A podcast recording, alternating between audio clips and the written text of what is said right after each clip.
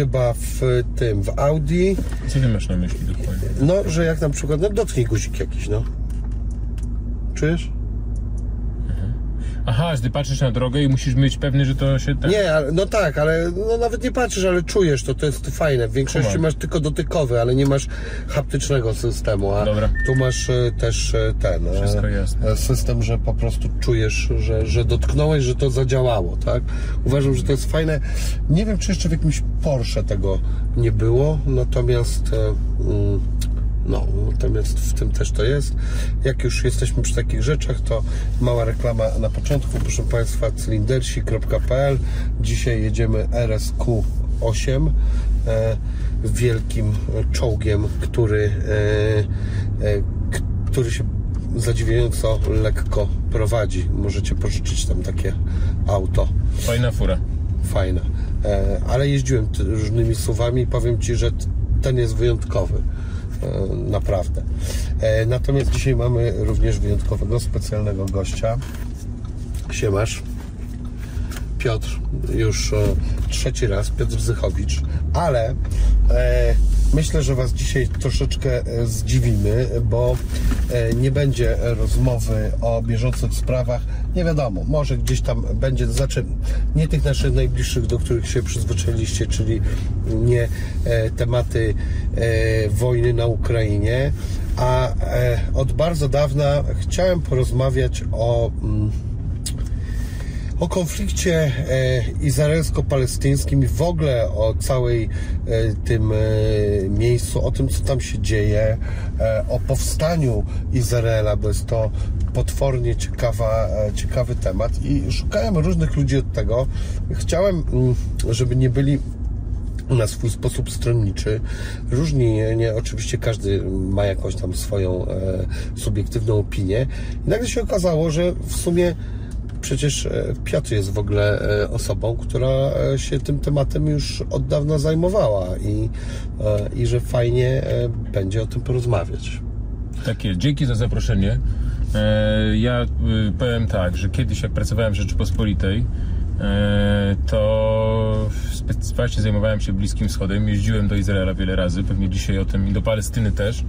Będziemy o tym pewnie mówić. No i machnąłem dwie książki. Żydzi, proszę bardzo. Zrobię małą reklamę.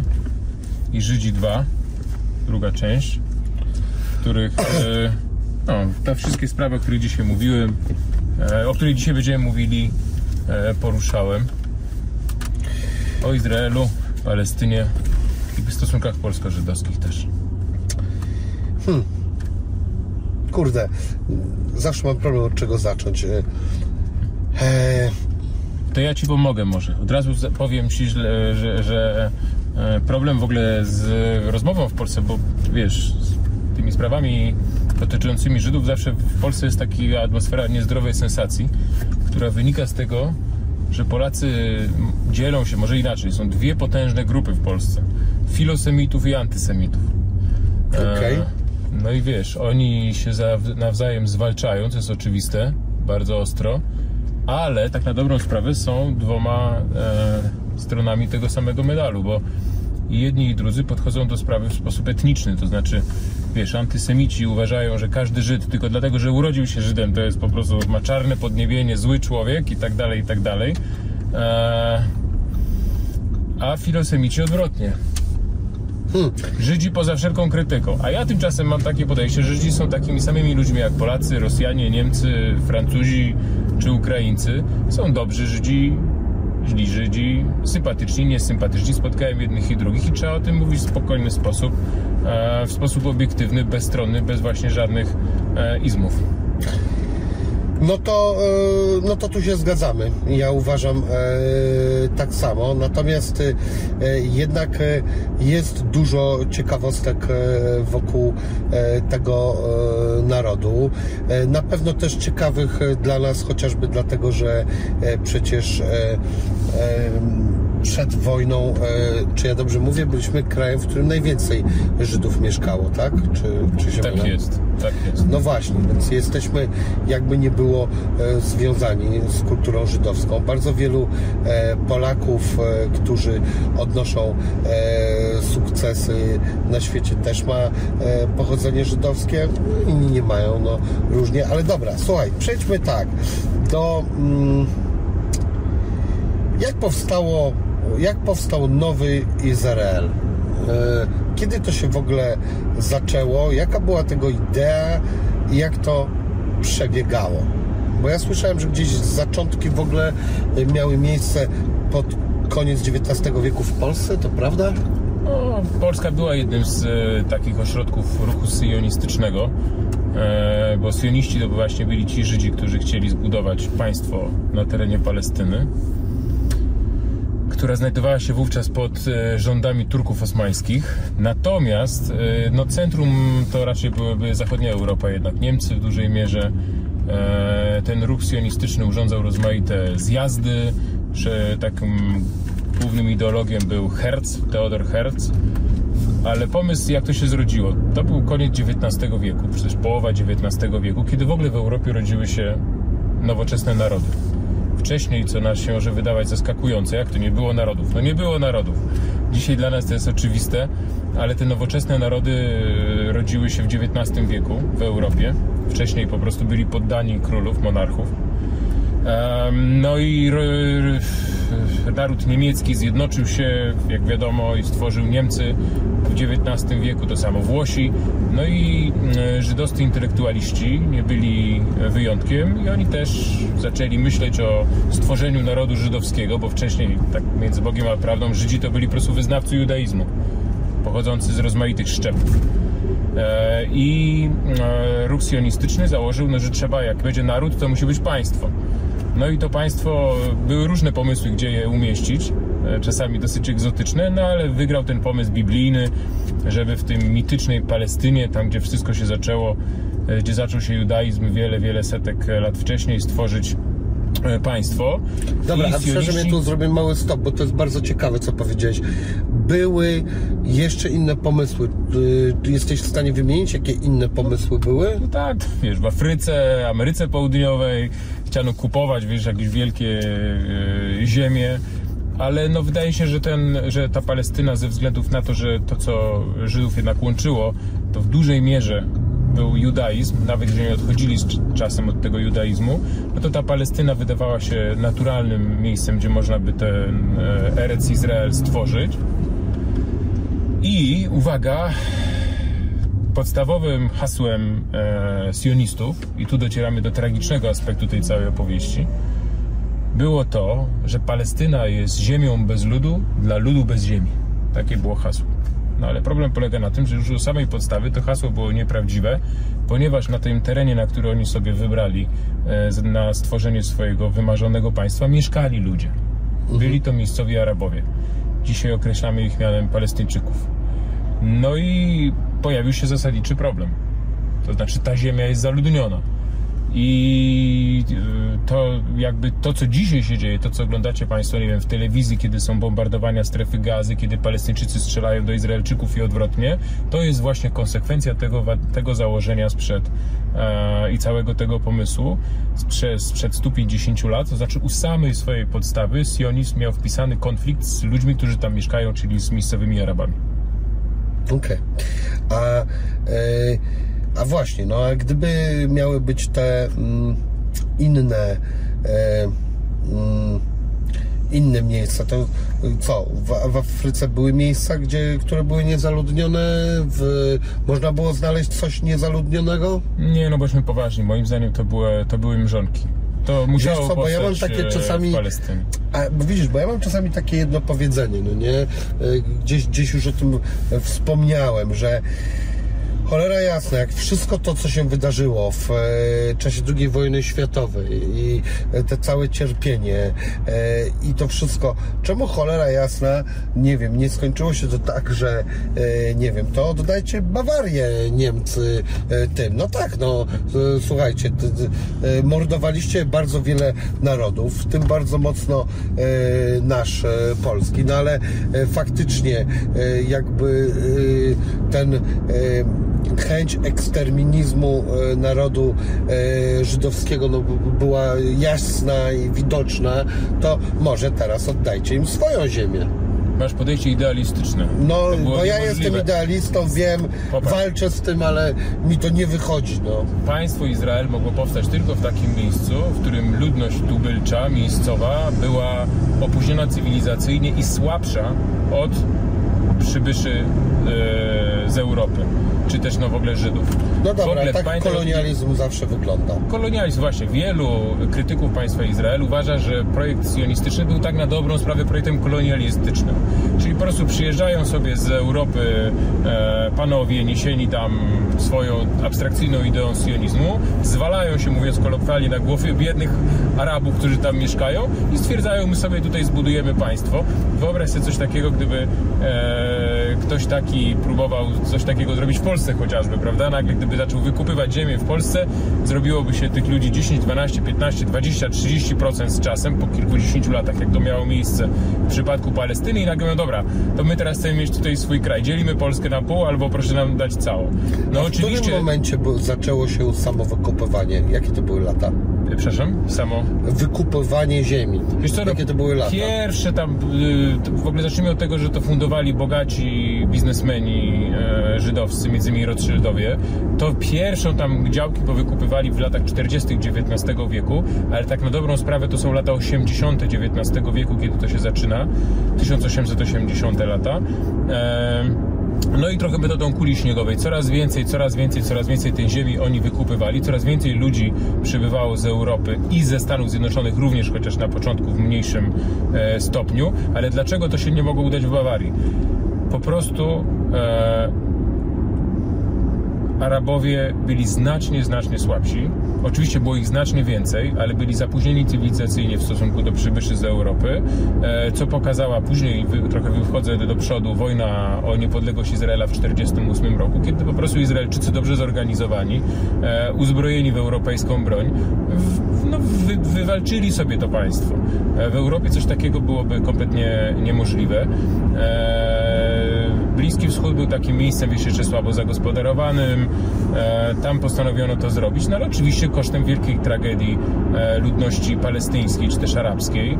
E, Lata e, 20, 30 upływały pod e, hasłem m, pod znakiem ustawitnych powstań ludności arabskiej, pogromów miejscowych e, Żydów, którzy przybywali, no bo Arabowie no, czuli, że coś dzieje się nie tak. No bo nagle tych e, coraz więcej jest tych e, sionistycznych e, haluców, jak to mówiono, czyli tych osadników. W 1917 roku była taka deklaracja brytyjska Balfora, która mówiła o tym, że stworzymy wam w Palestynie e, siedzibę e, dla To już narodu Winston żydowskiego. Churchill chyba e, w tym coś maczał O, tak, e, palce. I w ogóle akurat jestem teraz na biografii Churchilla i chyba była dokładnie o tym opowieść, jak on się spotkał z Arabami i z Żydami i doszedł do wniosku, że po prostu Żydzi są nie, potwornie bardziej zorganizowani. Był w szoku, że oni już potworzyli e, swoje e, e, już różne takie no, namiastkę powiedzmy funkcjonowania społeczności już mocno zorganizowanej. No słuchaj, bądź wyobraź sobie taką sytuację. Przychodzi e, Churchill czy inny brytyjski mąż stanu, a tu musimy wyjaśnić, że kiedy upadło Imperium Osmańskie w wyniku I wojny światowej, to Palestyna znalazła się pod mandatem brytyjskim. Czyli Brytyjczycy w latach 20., 30. i do 48 roku po prostu rządzili Palestyną. I kiedy oni przyjeżdżali, ci urzędnicy brytyjscy, no to z jednej strony mieli, wiesz, e, żydowskich inżynierów e, z Niemiec, z Polski czy z Francji, mówiących e, językami, ubranych w garnitury, z którymi mogli nawiązać bez problemu, wiesz, No, kontakt. normalny, normalną rozmowę, no, a po drugiej stronie mieli jednak e, arabskich rozmaitych tam, wiesz, szejków i przywódców jakichś kast i klanów. Siłą rzeczy bliżej było Brytyjczykom do e, Żydów, stąd popierali ideę sionistyczną, ale nie zawsze, bo potem, kiedy doszło do tych wielkich, wielkich e, zamieszek, powstania w 1936 roku arabskiego, e, Brytyjczycy zorientowali się, że e, forsując ideę sionistyczną, rozdrażniają Arabów nie tylko w samej Palestynie, ale na całym Bliskim Wschodzie. A pamiętaj, że od tego, żeby tam był spokój, zależało spokojne wydobycie, wydobycie surowców strategicznych, czyli krótko mówiąc ropy. Dlatego Brytyjczycy się zorientowali, że trochę przyholowali, wprowadzili ograniczenia, czyli tak zwaną białą księgę, czyli ograniczali ilość osadników, tak wynegocjowali coś takiego z Arabami, żeby jednak tych Żydów zbyt dużo nie przyjeżdżało. To wywoływało straszliwą frustrację Żydów, którzy uważali, no jak to, my tu jesteśmy prześladowani w Europie, Hitler doszedł do władzy, a wy e, ograniczacie ilość e, osadników żydowskich, którzy mogą przybywać. Był taki słynny statek Exodus później, który został zawrócony e, w ostatniej chwili przez Brytyjczyków z powrotem. I uwaga, to doprowadziło w końcu do ostrego konfliktu między podziemnymi organizacjami żydowskimi w Palestynie a Brytyjczykami i do fali terroru, bardzo brutalnego, prowadzonego przez e, żydowskie organizacje terrorystyczne podziemne, Lehi i Irgun, wymierzonego w brytyjskie władze e, mandatowe. Aha, tam na miejscu. Tak, tak. Także te stosunki brytyjsko, wiesz, e, żydowskie też miały swoje e, ups and downs. No to jeżeli mm, można powiedzieć, co tu dużo ukrywać, no po prostu kiedy e, w latach 40. te dwie organizacje, o których mówiłem, to były organizacje tego ruchu najbardziej skrajnego, prawicowego sionizmu, sionizmu rewizjonizmu, oni uważali, że Brytyjczycy blokują możliwość stworzenia państwa żydowskiego, no bo nie chcą wkurzać właśnie Arabów, co w dużej mierze było prawdą. E, w związku z tym rozpoczęli kampanię terroru. Wyglądało to na tej zasadzie, e, że zrywali tory kolejowe, e, wysadzali w powietrze posterunki brytyjskie, mm, nie wiem, wprowadzali osiołki wyładowane materia- materiałami wybuchowymi na arabskie bazary. No, krew się lała strumieniami i było kilka takich bardzo, bardzo dramatycznych, wielkich zamachów, które przeszły do historii. Najsłynniejszy z nich to w 1946 roku, z tego co pamiętam, zamach na hotel King David. Piękny hotel w Jerozolimie. Byłeś w Jerozolimie? Nie. No, stoi do dzisiaj. Musi, jak będziesz, to tam się możesz zatrzymać. E, w każdym razie żydowscy terroryści z organizacji Irgun wnieśli do kuchni, która znajdowała się trochę tak w podziemiach tego hotelu, takie butle. Niby to miały być butle z gazem, w rzeczywistości to były e, ładunki wybuchowe. Wysadzili w powietrze ten hotel, bo tam stacjonowali brytyjscy oficerowie i zginęło 91 osób.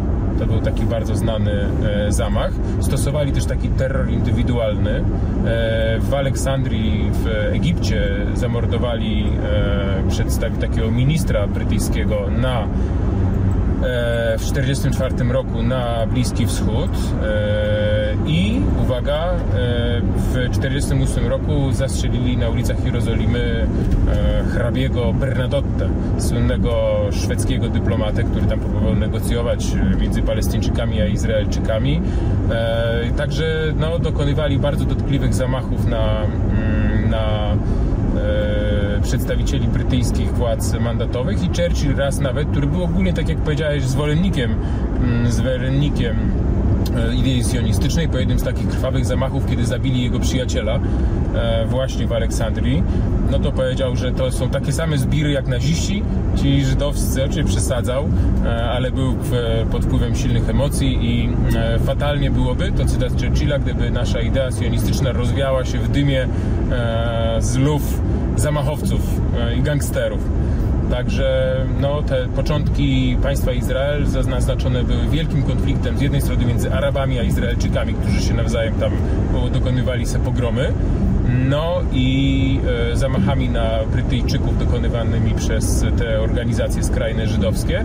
No i największą erupcją przemocy był oczywiście rok 1948, kiedy Żydzi przystąpili do budowy swojego państwa.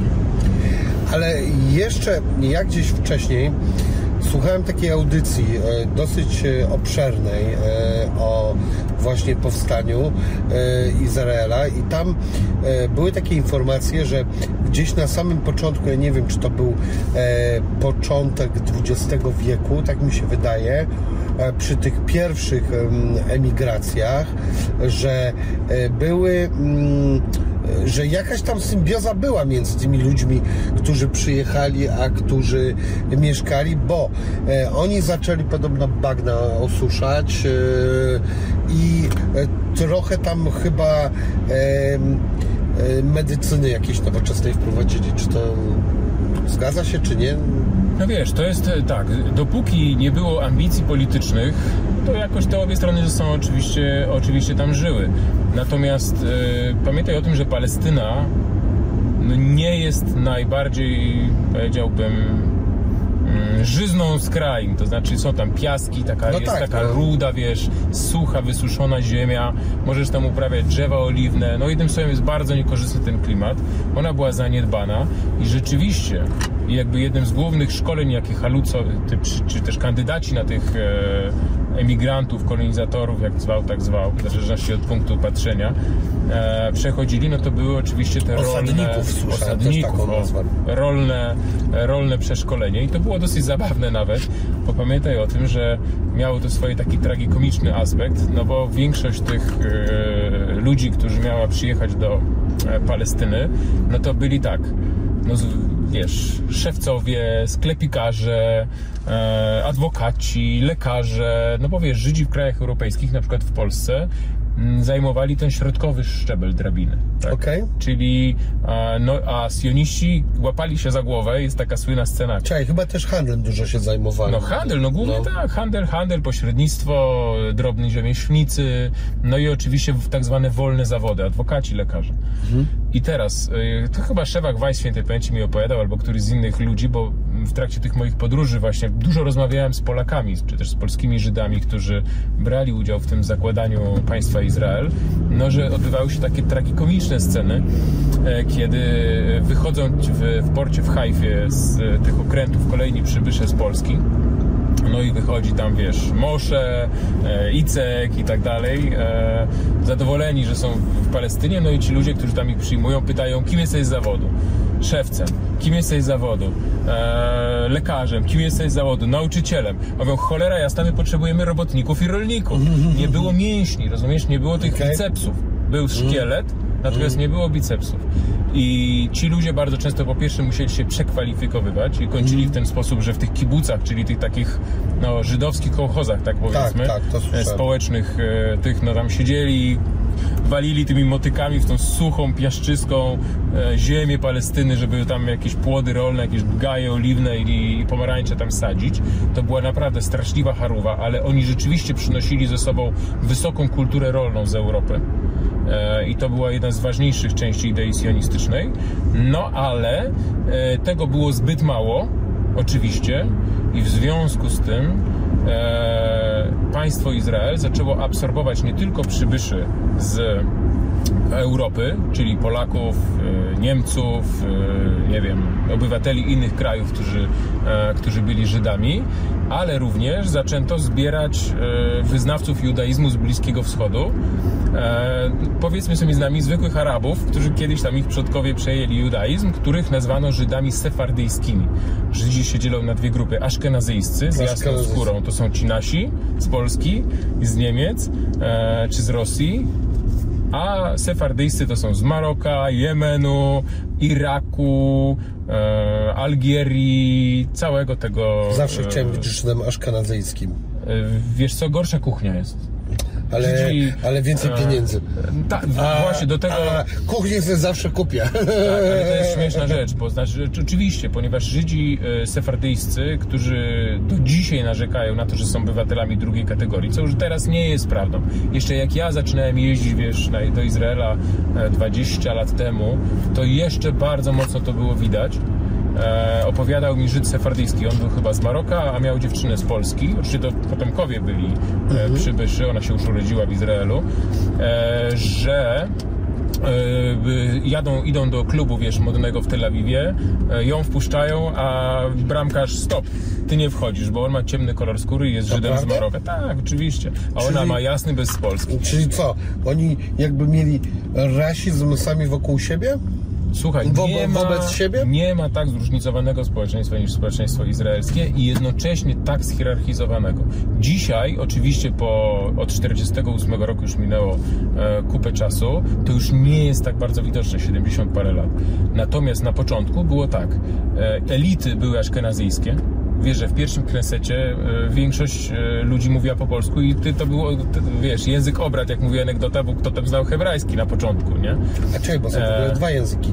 Jest hebrajski i... I jidysz. No właśnie. Idisz to jest język Ostjuden, czyli wschodnich e, Żydów, e, którzy po prostu, to jest taki trochę niemiecki, z, naleciałami, z na- z naleciałościami słowiańskimi. E, dzisiaj mówią tak już w Idisz tylko ci Żydzi ultraortodoksyjni, czyli wiesz, ci, którzy mają pejsy, hałaty, oni kultywują te tradycje. Pamiętam, że kiedyś w takiej dzielnicy Mea Sherim w Jerozolimie wszedłem do takiego sklepiku żydowskiego właśnie, w którym handlował taki facet. E, No wyglądało to po prostu jak w Pińsku w 32, wiesz, jakieś cebule wiszą, jakiś taki skromny, malutki sklepik. On Okej. się rozejrzał i powiedział tak, mm, zu viel bałagan. Przykład, e, przykład idisz, nie? Okej. Natomiast język hebrajski, no bo oczywiście Żydzi, pamiętaj o tym, że e, kiedy mówimy o różnicach Żyd, Żydów, to Żydzi e, bliskowschodni wstydzili się tego, tej żydowskości europejskiej, diaspory. To znaczy, pomysł był taki, w ogóle Izrael miał stworzyć nowego Żyda, Żyda wojownika, Żyda umięśnionego, Żyda opalonego, Żyda, który się nie boi, który Chyba dużo strzela. się udało. Bo oczywiście, że się udało i oni nazywali się Sabrami. Sabra to jest ten silny Żyd, który już urodził się na miejscu, patrzy śmiało, wiesz, e, e, w oczy niebezpieczeństw, uprawia ziemię, buduje budynki, jest umięśniony, opalony, ma broń, walczy, zabija i on był przeciwieństwem tego słabego Żyda, który przeprasza za swoje istnienie, liberalnego z Europy w okularach, który myśli, wiesz, tego, który jest e, zawsze e, ofiarą wieczną, e, tego, który za wszystko musi przepraszać, który jest gnębiony przez te społeczności, które dominują w danym kraju. W ogóle sionizm miał zerwać z tą słabością. Zrobimy własne państwo, będziemy mieli własną policję, własne wojsko, własne siły zbrojne, więc zrobimy coś nowego. I Idisz trochę Mission był... complete. Tak, i Idisz był trochę elementem tego, tej wstydliwej e, diaspory. I oni stworzyli de facto nowy język, opierając się na tych biblijnych. Przecież nikt nie mówił po hebrajsku, oprócz tam kilku rabinów na krzyż.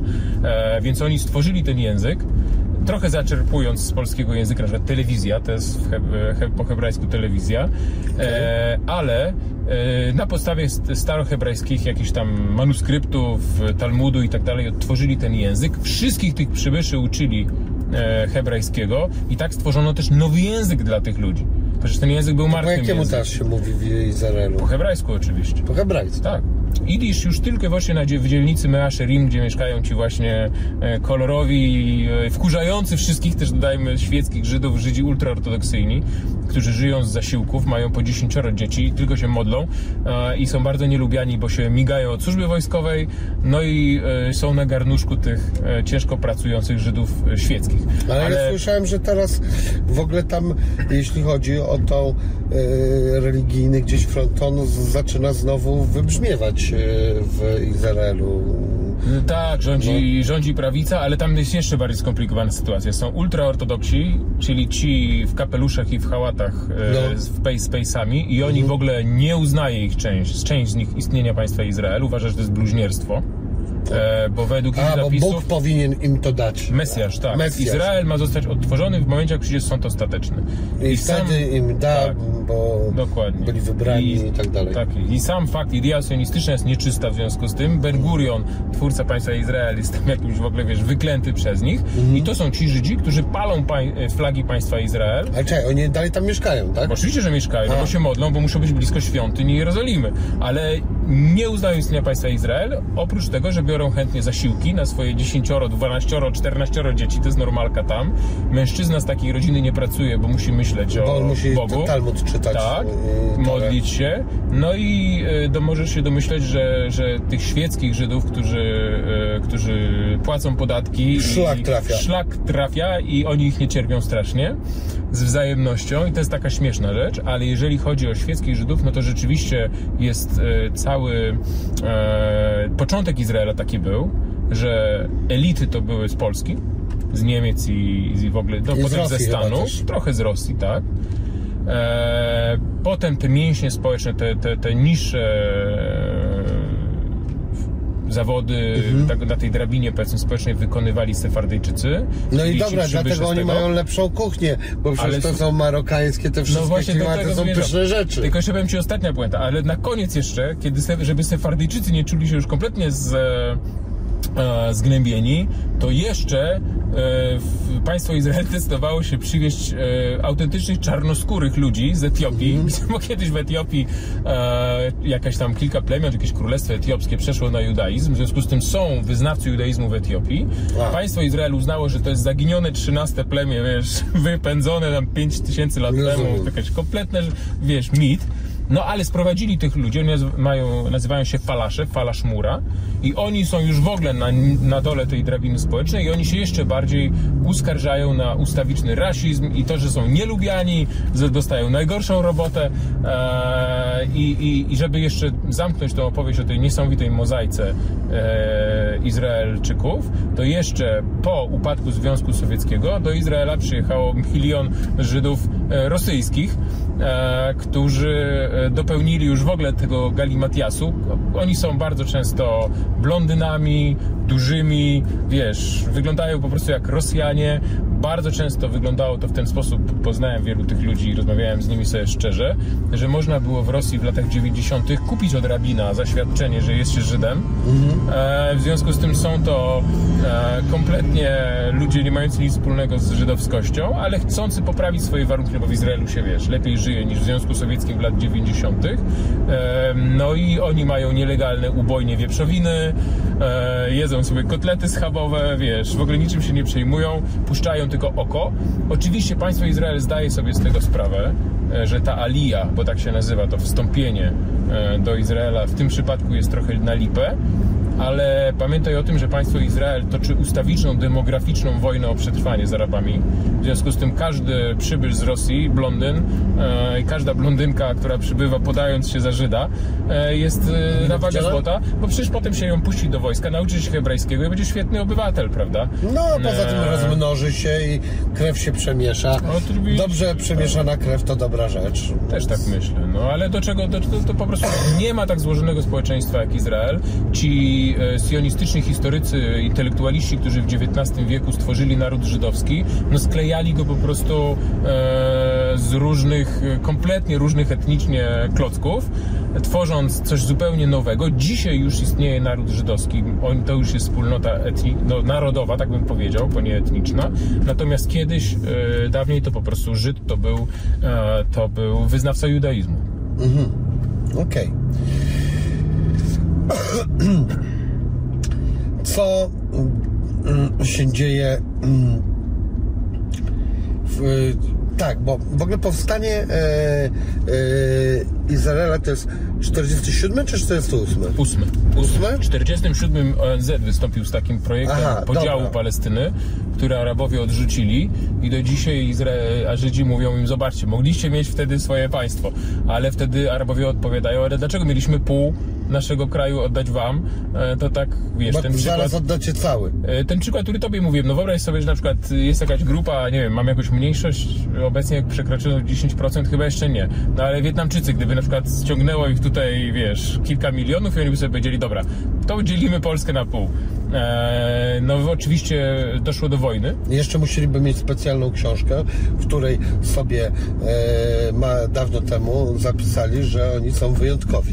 E, I ta książka bardzo mocno, e, jakby nie było, e, wpływa na los całego świata, bo nie jest to byle książka. Ja, mówiąc książka, to coś więcej niż książka, to cała. Mm, cała jednak bardzo mocna idea, w którą wierzą nie tylko oni, bo przecież e, religia, która panuje w naszym kraju, też w połowie się opiera na religii, jakby nie było żydowskiej. No Stary Testament oczywiście, że tak, no ale plus oczywiście w tym przypadku jest Talmud.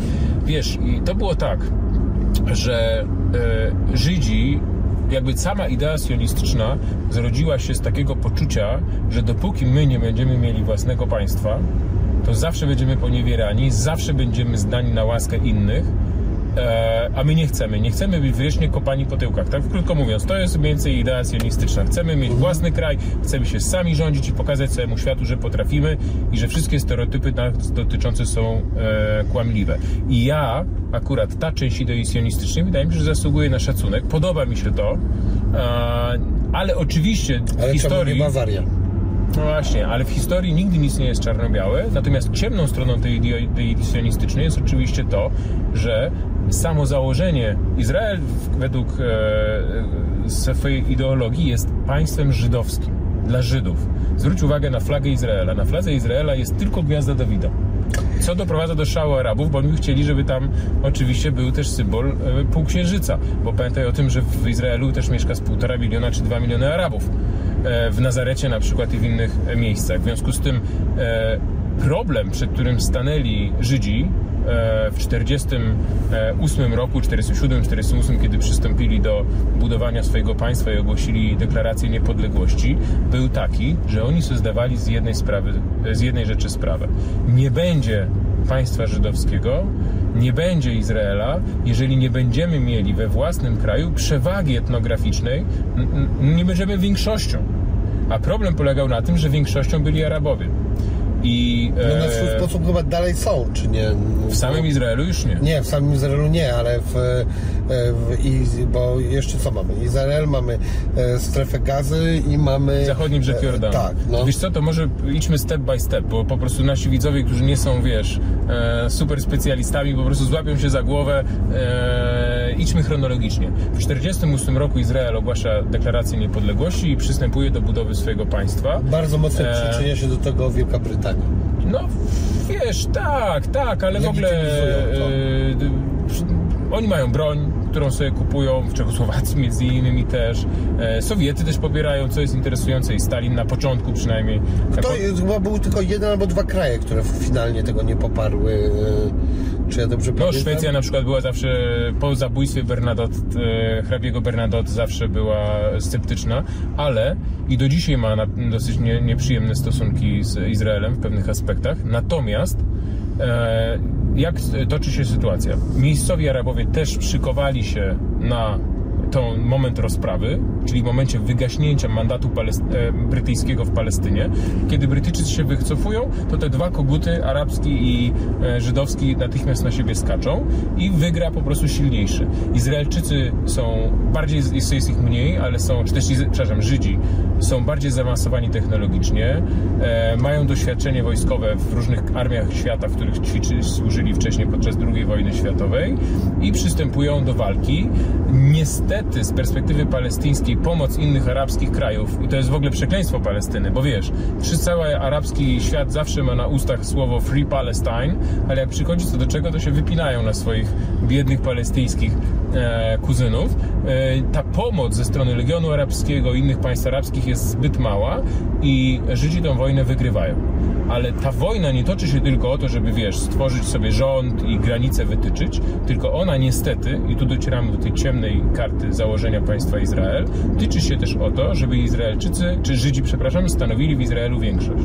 I co się dzieje? Dochodzi do masowej, e, masowego wypędzenia tych arabskiej ludności, mówi się 700-750 tysięcy Arabów, którzy mieszkali na tych terenach Palestyny, zostaje po prostu brutalnie wypędzonych ze swoich wiosek.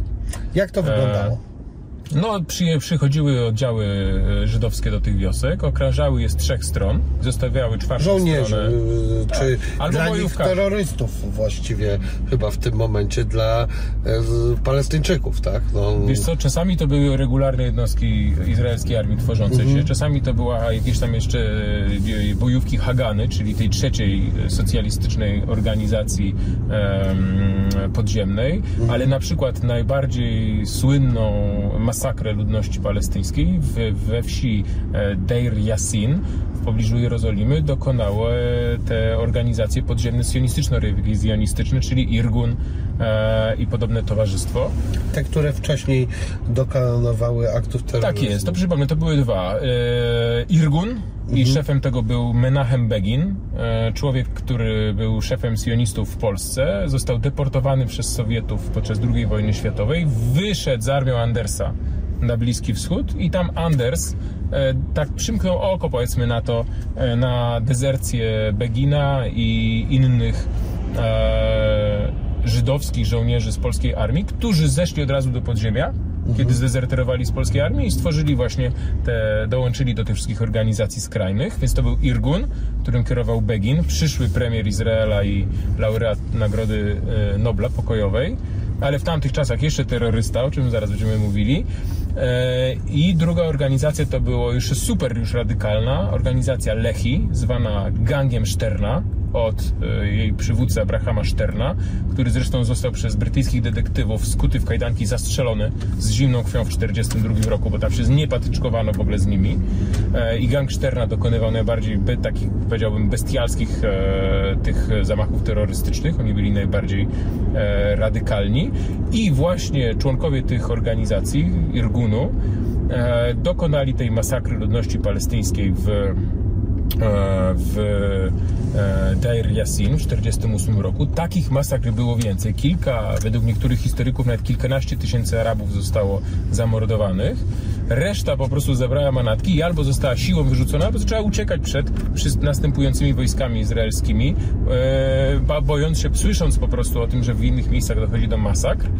Ta, te wydarzenie przeszło do historii, ta tragedia jako Nagba, czyli wielkie nieszczęście po Tak, arabsku. bo to Nagba to jest w ogóle rok założenia Izraela, to jest dla Palestyńczyków To jest Nagba. I oni e, wspominają tą masową, masową deportację wówczas 750 tysięcy ludzi plus masakry, które temu towarzyszyły. Bardzo brutalnie jakby Izraelczycy walczyli o ten Izrael dla Izraelczyków, czy też tylko dla Żydów, e, usuwając tą ludność arabską. E, te wioski były niszczone, domy przejmowane, meczety zamieniane, wiesz, w restauracje i inne tego typu e, tam się działy rzeczy. Zmieniano nazwy miejscowości z arabskich na hebrajskie, żeby wymazać pamięć o tych miejscowościach. No i jakby tutaj po, to, to jest jakby taki wielki, pierwsze masowe, wielkie starcie e, arabsko-żydowskie, które jest przyczyną wszystkich obecnych problemów, praprzyczyną, no bo e, Izrael rzeczywiście udało się zbudować w e, jako państwo dla Żydów. Natychmiast, kiedy on powstał, zaczęły zjeżdżać setki tysięcy Żydów, szczególnie ocalałych z Holokaustu z Europy, z innych miejsc świata. Natomiast e, poza granicami tej Palest- Izraela znalazło się 750 tysięcy wypędzonych Arabów, którzy do dzisiaj, słuchaj, siedzą w obozach, które są już wyglądają trochę jak miasta e, dla uchodźców. Teraz w obozie w Dżeninie przecież te strzelaniny, które teraz Państwo widzicie, dokładnie jak rozmawiamy, to dzieją się właśnie w takim obozie dla, e, dla uchodźców palestyńskich. To są strzelaniny między kim a kim? Bojówkami palestyńskimi a izraelskim wojskiem, które tam cały czas wchodzi, żeby to pacyfikować sytuację. I wyobraź sobie, że przez te kilkadziesiąt lat tych ludzi jest 5 milionów. Teraz już. Uchodźców i ich potomków. Oni nadal mają bardzo często niejasny status prawny, gnieżdżą się w tych obozach na terenie tam właśnie zachodniego brzegu Jordanu, e, innych krajów często. I teraz e, jednym z podstawowych spraw i podstawowych postulatów strony palestyńskiej w trakcie procesu pokojowego, który się ciągnie, wiesz, od e, kilkudziesięciu lat, jest tak zwane prawo do powrotu. Czyli Palestyńczycy mówią: OK, możemy się z wami dogadać, możemy e, podzielić w ten sposób, że Izrael niech już se będzie, a niech będzie Palestyna niepodległa, ale musicie zapewnić prawo do powrotu. No ale wyobraź sobie teraz, co by się stało, gdyby 5 milionów Palestyńczyków wróciło do, do, na swoje tereny. Kwestia, od, co, oddać im domy, oddać im ziemię, oddać im to wszystko, co zostało zrabowane w 48, to jest niemożliwe z, po prostu z perspektywy prawnej. Natomiast, czyli można im zapłacić odszkodowanie, to jest inna sprawa. Natomiast jest inny problem, bo pieniądze nie są ważne. Najważniejsze jest to, że Izraelczycy piekielnie się boją, bo Arabowie mają większy przyrost naturalny, że gdyby do czegoś takiego doszło... Demokracji. No właśnie, masz 5 milionów e, przy, e, uchodźców, półtora miliona czy 2 miliony Arabów w Nazarecie i w okolicach i nagle się może okazać, że Żydzi w państwie żydowskim staną się mniejszością, będą wybory, Hamas wygra, e, no i co, wiesz jaka będzie konsekwencja tego? Prostu państwo żydowskie przestanie istnieć w ten sposób.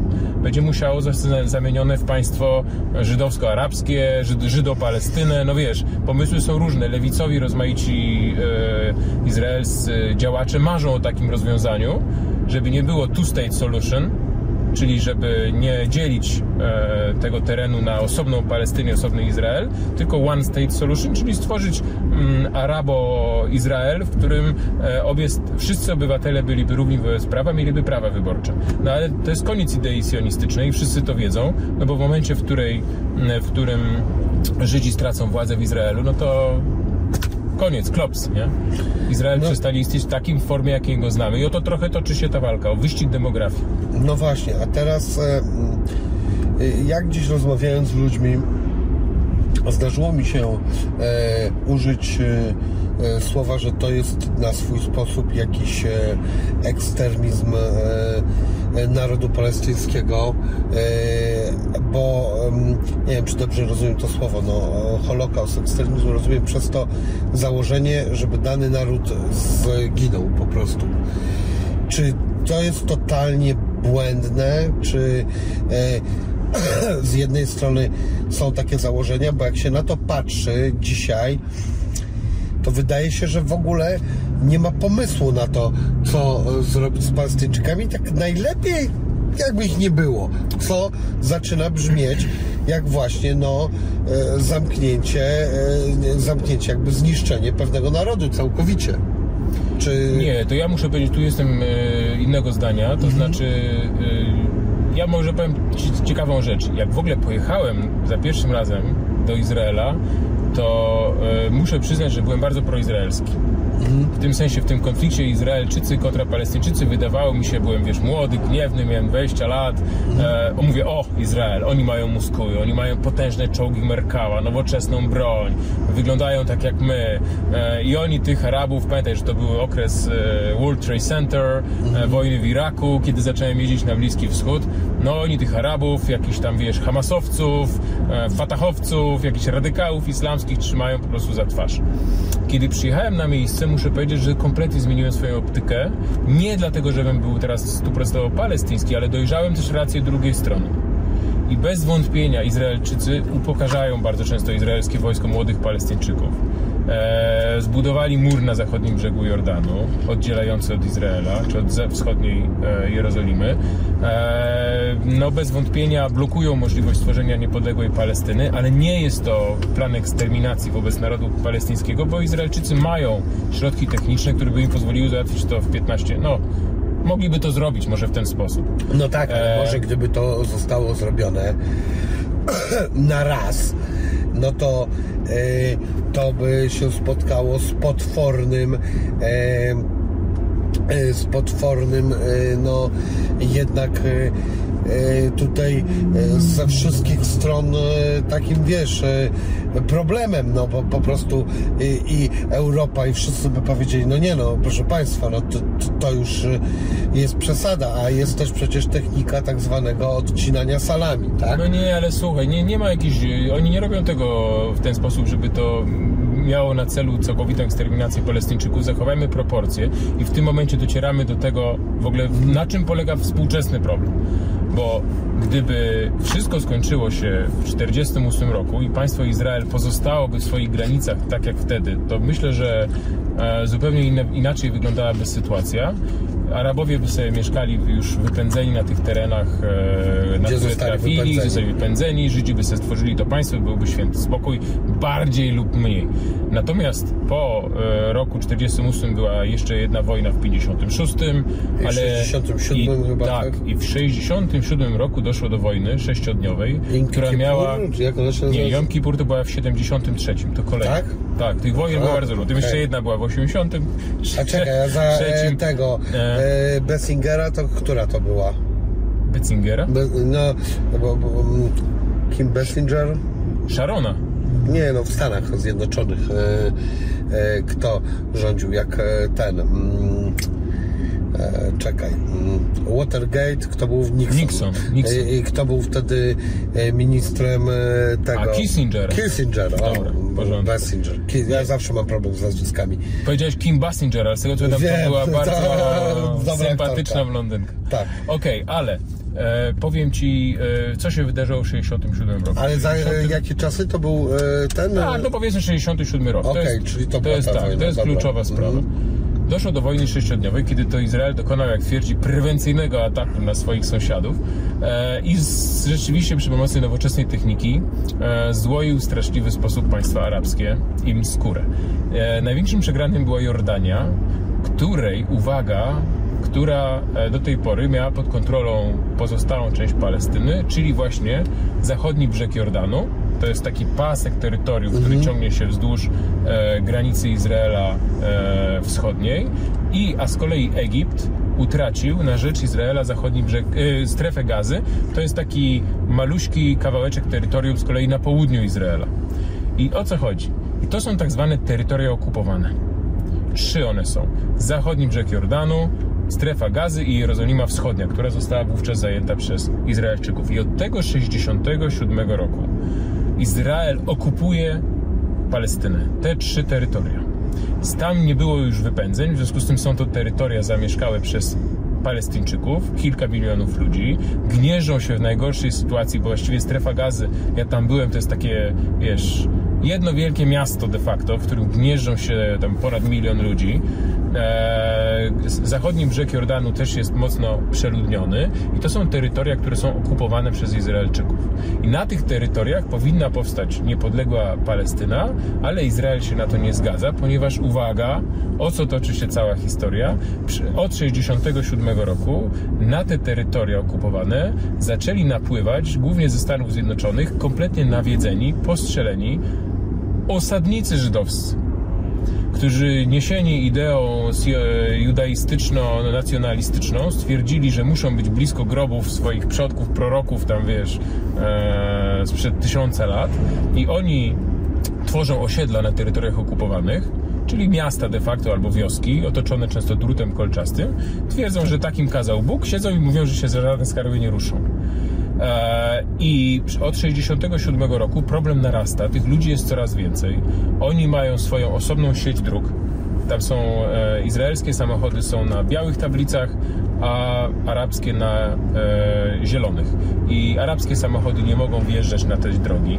Arabowie nie mogą wchodzić do tych osiedli, co dlatego wielu obrońców praw człowieka nazywa ten system apartheidem. E, słusznie czy niesłusznie stwierdzam tylko ten fakt ten zachodni brzeg Jordanu został oddzielony murem właśnie od Izraela, żeby tam nie przekradali się ci wszyscy terroryści z Hamasu i z islamskiego dżihadu i z innych organizacji, no bo na e, odpowiedzią na okupację tych terenów, o których mówimy, jest terror, czyli te organizacje skrajne.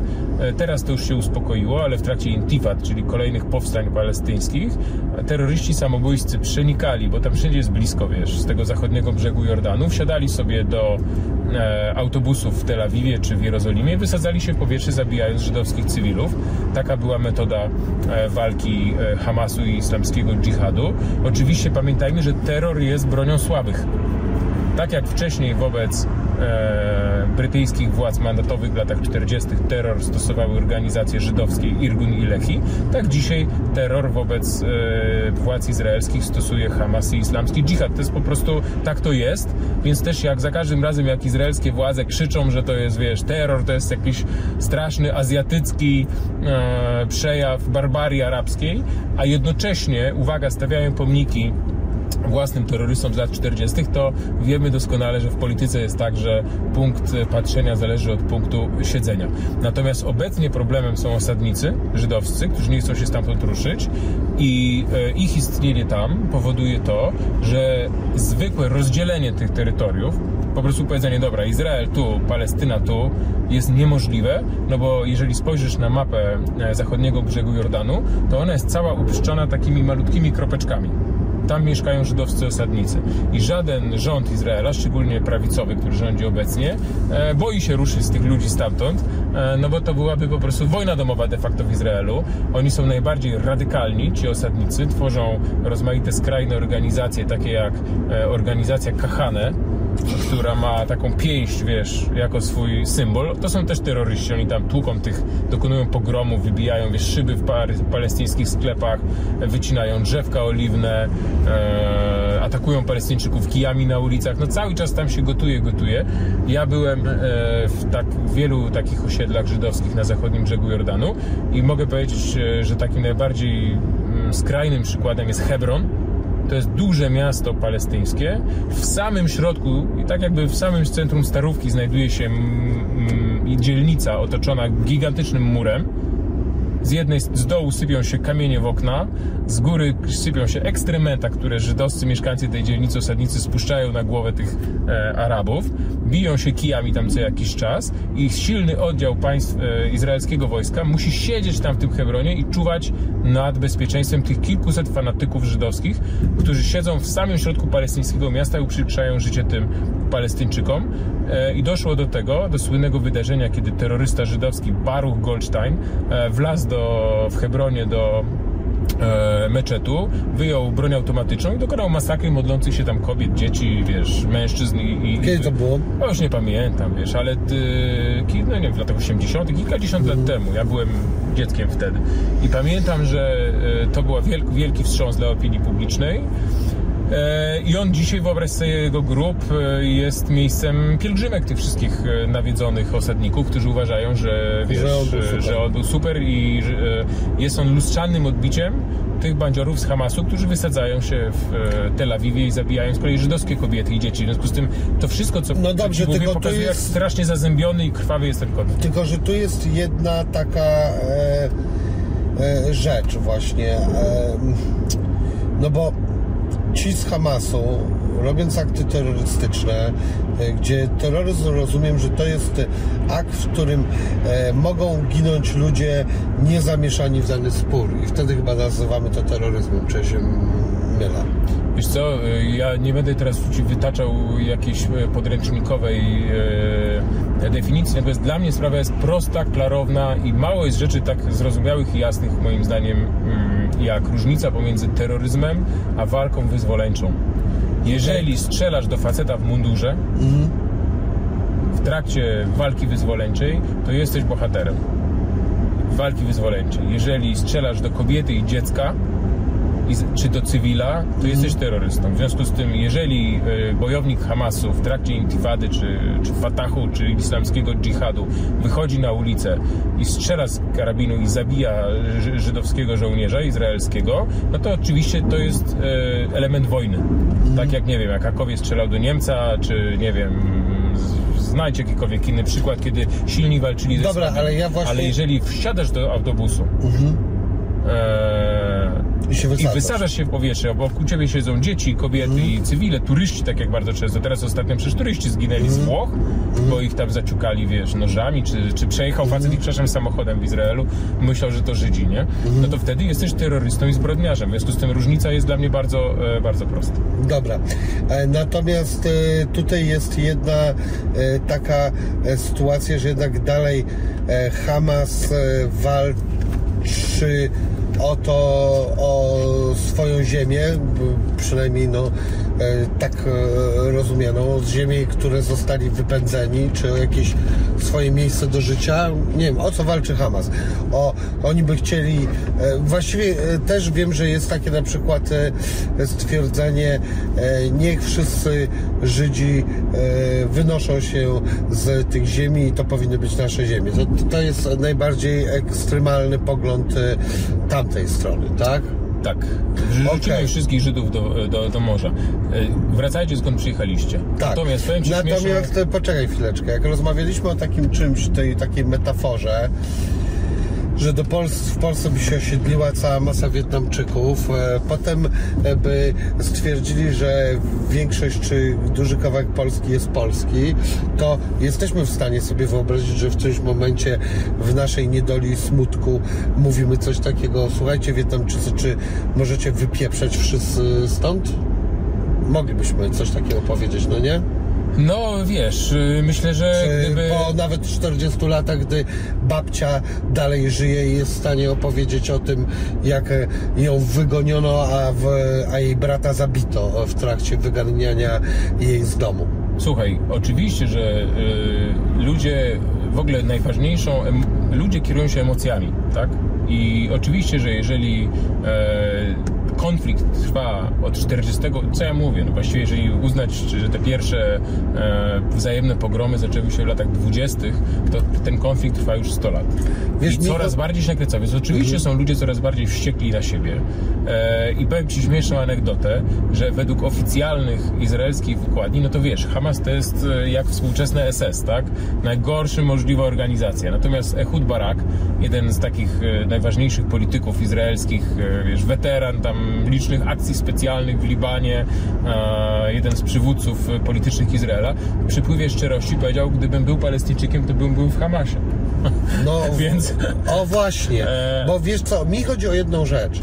W tej całej rozmowie ja nie chcę zatracić jednej sytuacji. Jednak z punktu widzenia tych Palestyńczyków można zrozumieć ich rozpacz, natomiast facet wchodzący yy, i strzelający do nich w kościele, to brzmi to jakby, słuchajcie, e, wy jesteście tacy podli, bo nie rozumiecie, że powinniście zdechnąć i wypieprzeć stąd, bo ja tu sobie będę żył, bo w książce napisanej tysiąc lat temu, to myśmy sobie, moi ziomkowie napisali, że, że to jest moje i że wielki e, e, pomysłodawca wszystkiego e, e, wybrał nas.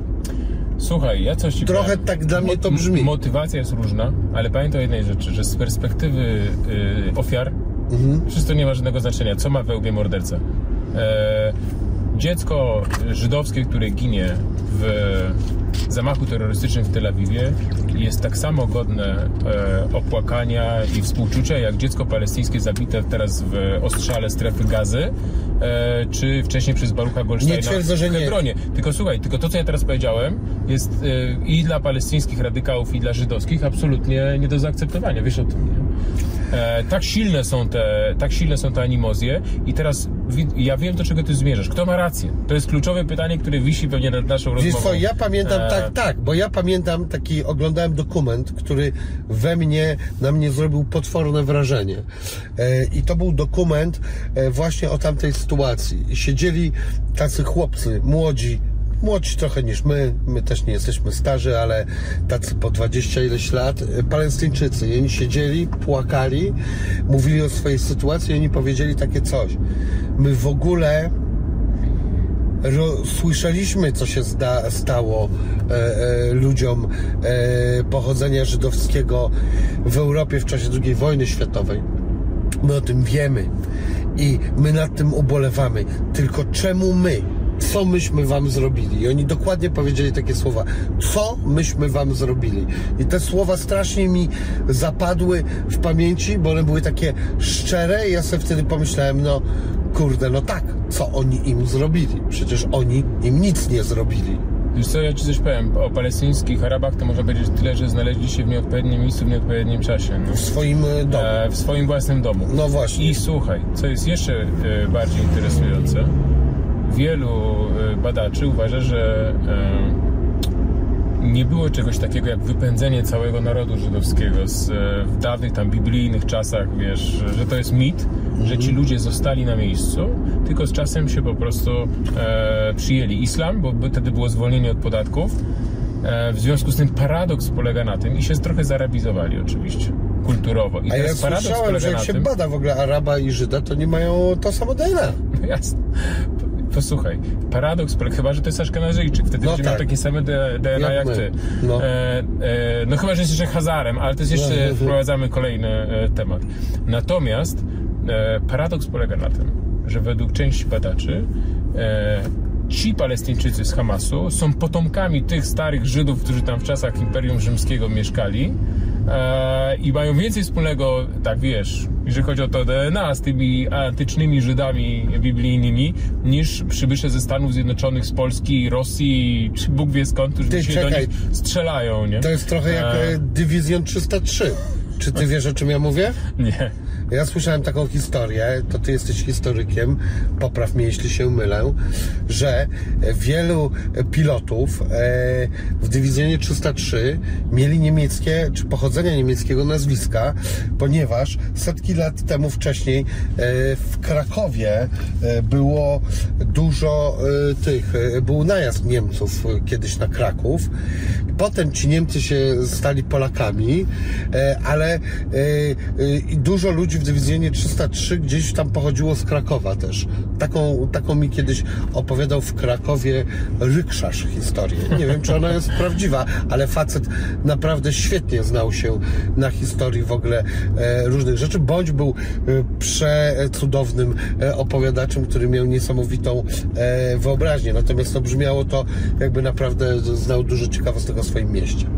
Wiesz co, nie wiem, czy ta akurat w stosunku do 303 była jakaś duża nadreprezentacja Polaków pochodzenia niemieckiego. O, bardzo dawnego, Na- to byliby de facto Polacy. Na, no bo... natomiast, natomiast ogólnie rzecz biorąc to jest e, trend e, jasny i oczywisty, że ludzie, którzy mieszkają między sobą się e, zmieniają swoją narodowość, po prostu się polonizują, germanizują w naturalny sposób pod wpływem otoczenia e, i pamiętaj o tym, że w ogóle konstrukcje narodu są e, wymysłami, tak? Polski naród też jest narodem kompletnie wymyślonym. E, usiedli sobie swego czasu panowie, wymyślili sobie taki konstrukt jak naród polski i przy pomocy telewizji i szkoły w XX wieku e, stworzyli Polaków. No bo powiedzmy szczerze, że Kaszub nie wiem, 100 lat temu raczej ciężko byłoby mu znaleźć wspólny język, nie wiem, z Góralem, czy mieszkańcem Lwowa, Ślązak, Ślązak by się chyba ciężko dogadywał z mieszkańcem Wilna i tak dalej, i tak dalej. To są pewne konstrukty, tak? Są państwowe, e, są państwowe granice, które kiedyś były ukształtowane w większości przypadków, no Polska to jest bardzo specyficzny przykład, e, przez jakieś dynastyczne unie, wiesz, jakaś księżniczka z jakimś królem się ożeniła, w związku z tym tworzyły się państwa, a dopiero w XIX i XX wieku te państwa były wypełniane narodową treścią, a te narody, jakie my znamy, na przykład z językiem polskim, takim językiem kanonicznym, jakim my teraz mówimy między sobą, przecież to telewizja właśnie stworzyła, że dzisiaj 30 milionów ludzi mówi takim językiem. Przed wojną, jak na przykład ludzie trafiali do armii Andersa, powiedzmy, w trakcie wojny z różnych krańców Polski, to nie mogli się nawzajem zrozumieć, nie? A wiesz co? E, więc to samo jest- dotyczy Arabów, Palestyńczyków, wszystkich innych narodów. Niech się Bawarczyk dogada z mieszkańcem Hamburga. Kiedyś. Słuchaj, to jest super, o czym opowiadasz i to jest fajna dygresja. E, Mam nadzieję, że to jest coś, dla e, czego niektórzy nie będą oglądali mojego programu, bo ja skaczę po tematach, a inni właśnie to lubią. Jestem jeszcze w trakcie e, innej ciekawej lektury, o której podejrzewam, że słyszałeś. Jest taka książka Amerykanina, który opisuje historię Polski bodajże jakieś ostatnich 300 lat. E, I właśnie on od tego wychodzi w tej książce, e, gdzie to jest Amerykanin polskiego pochodzenia, ale jednak on się legitymizuje jako Amerykanin, nie jako Polak. I on właśnie od tego zaczyna, że de facto ten naród, w którym my tak mocno teraz wierzymy, to e, właściwie na swój sposób on powstał w trakcie rozbiorów e, i że tam zaczęła się pojawiać taka myśl e, razem z konsolidowania wszystkiego, a że kiedyś to była po prostu szlachta, która jeszcze z czymś się tam identyfikowała i chłopi, czyli ludzie, którzy byli bardzo mocno ciemiężeni, w dużej mierze e, też e, e, no nawet porównywani wręcz do niewolników i e, gdzie e, tak naprawdę w którymś momencie tym ludziom było wszystko jedno, czy nie będą się nazywali tak czy szmak, byle żeby było co jeść i żeby bito mało. Słuchaj, dobrze to ująłeś, to znaczy w tym sensie, yy, kiedyś narody, jeżeli w ogóle można mówić o czymś takim jak narody, były płaskie, a dzisiaj są pionowe.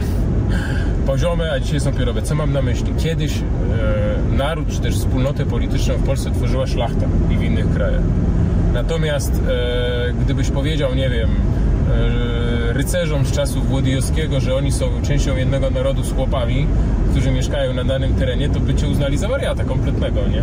Dopiero XIX wiek, koniec XIX wieku przyniósł rewolucyjny pomysł, że być może naród to jest wspólnota etniczna, wspólnota krwi, która idzie od góry do dołu i naród ma rozmaite szczeble. Na górze szlachta, po środku mieszczaństwo, a na dole chłopstwo. Wcześniej tego w ogóle nie było. Chłopi rzeczywiście byli taką amorficzną masą, którą się de facto interesowano tylko w tym sensie, żeby ona tam pracowała i chłopi rzeczywiście nie mieli bardzo długo identyfikacji narodowej.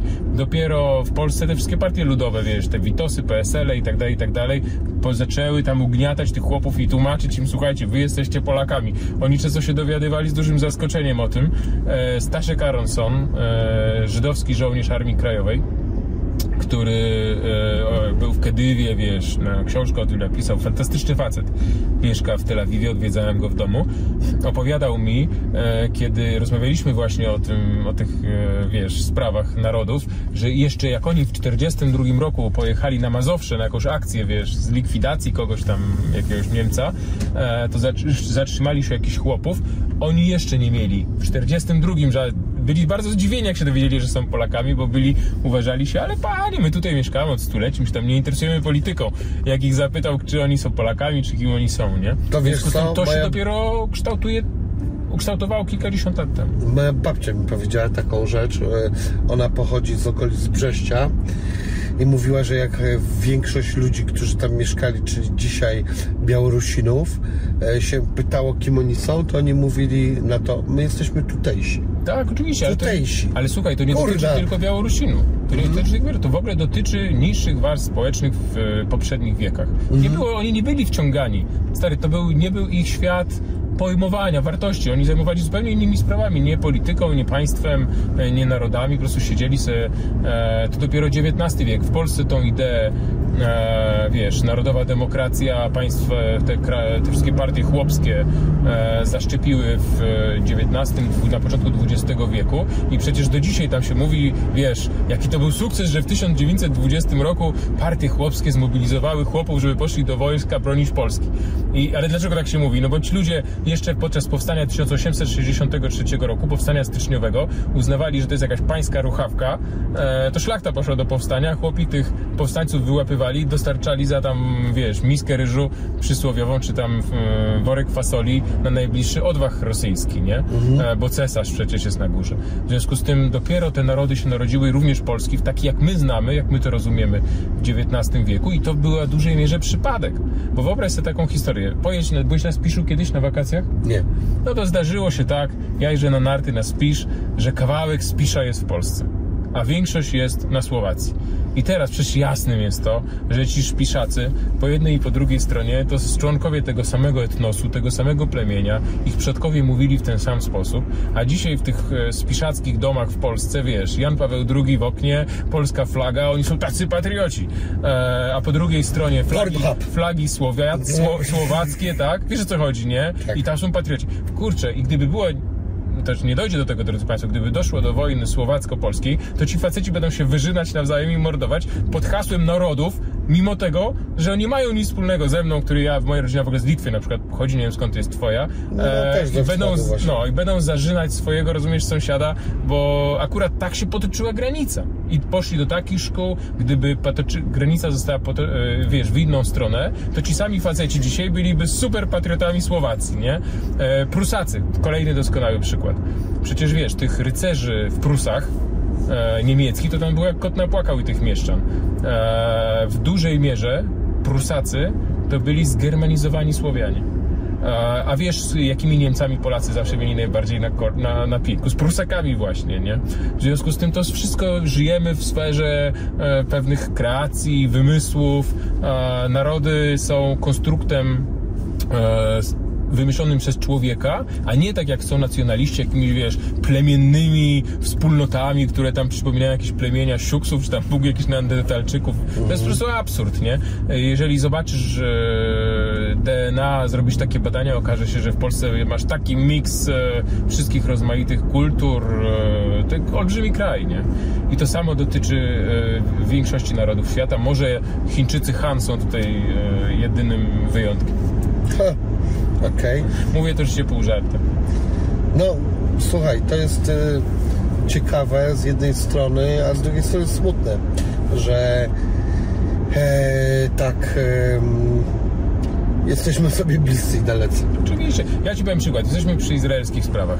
Pamiętam kiedyś przyszedłem na checkpoint taki izraelski, zatrzymali mnie, jechałem e, żółtą taksówką na zielonych blachach, czyli palestyńską i zatrzymał mnie e, na checkpoincie izraelski oddział. I tam był e, falarz, czyli czarnoskóry, normalnie Afrykańczyk, wiesz. Mhm. E, jakiś facet wyglądający na Araba, to był Żyd sefardyjski, facet e, Amerykanin, Żyd aszkenazyjski z Nowego Jorku i, i Rosjanin. I taka czwóreczka. No i oni, wiesz, wszyscy w takich samych mundurach, ale każdy inny. I to są Izraelczycy. I oczywiście jest... Jak e, porządny zespół rapowy z Berlina. Tak. O, ciekawe, nie wiedziałem. I słuchaj, według oficjalnej, sionistycznej e, ideologii to wszyscy są e, członkowie tego samego etnosu, tej samej krwi żydowskiej. Oczywiście, no można w to wierzyć jak się chce, no ale to jest na, trochę na takiej samej zasadzie, wiesz, jak król jest nagi, nie? Wszyscy wiemy, że e, to jest jakiś konstrukt, prawda?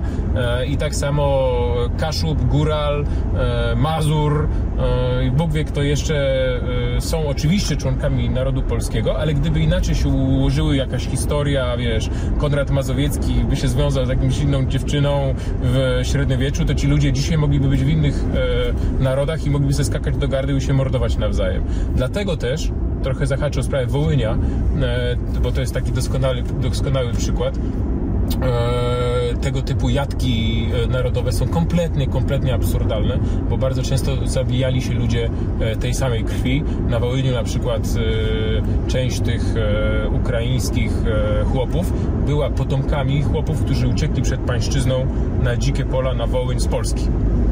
A z kolei tamtejsi Polacy byli spolonizowanymi E, potomkami Rusinów. W związku z tym z etnicznego punktu widzenia to wszystko nie miało żadnego sensu.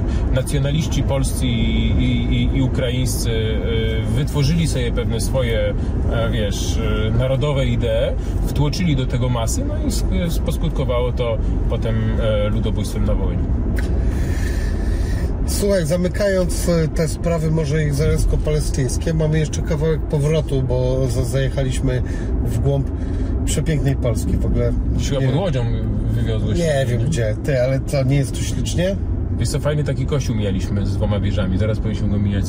Kurde, ja lubię w ogóle taką Polskę, taką, gdzie e, e, są sady, gdzie trochę drzew, trochę tego e, widoku takiego wiejskiego, nie wiem, coś ma w to w sobie dla mnie romantycznego.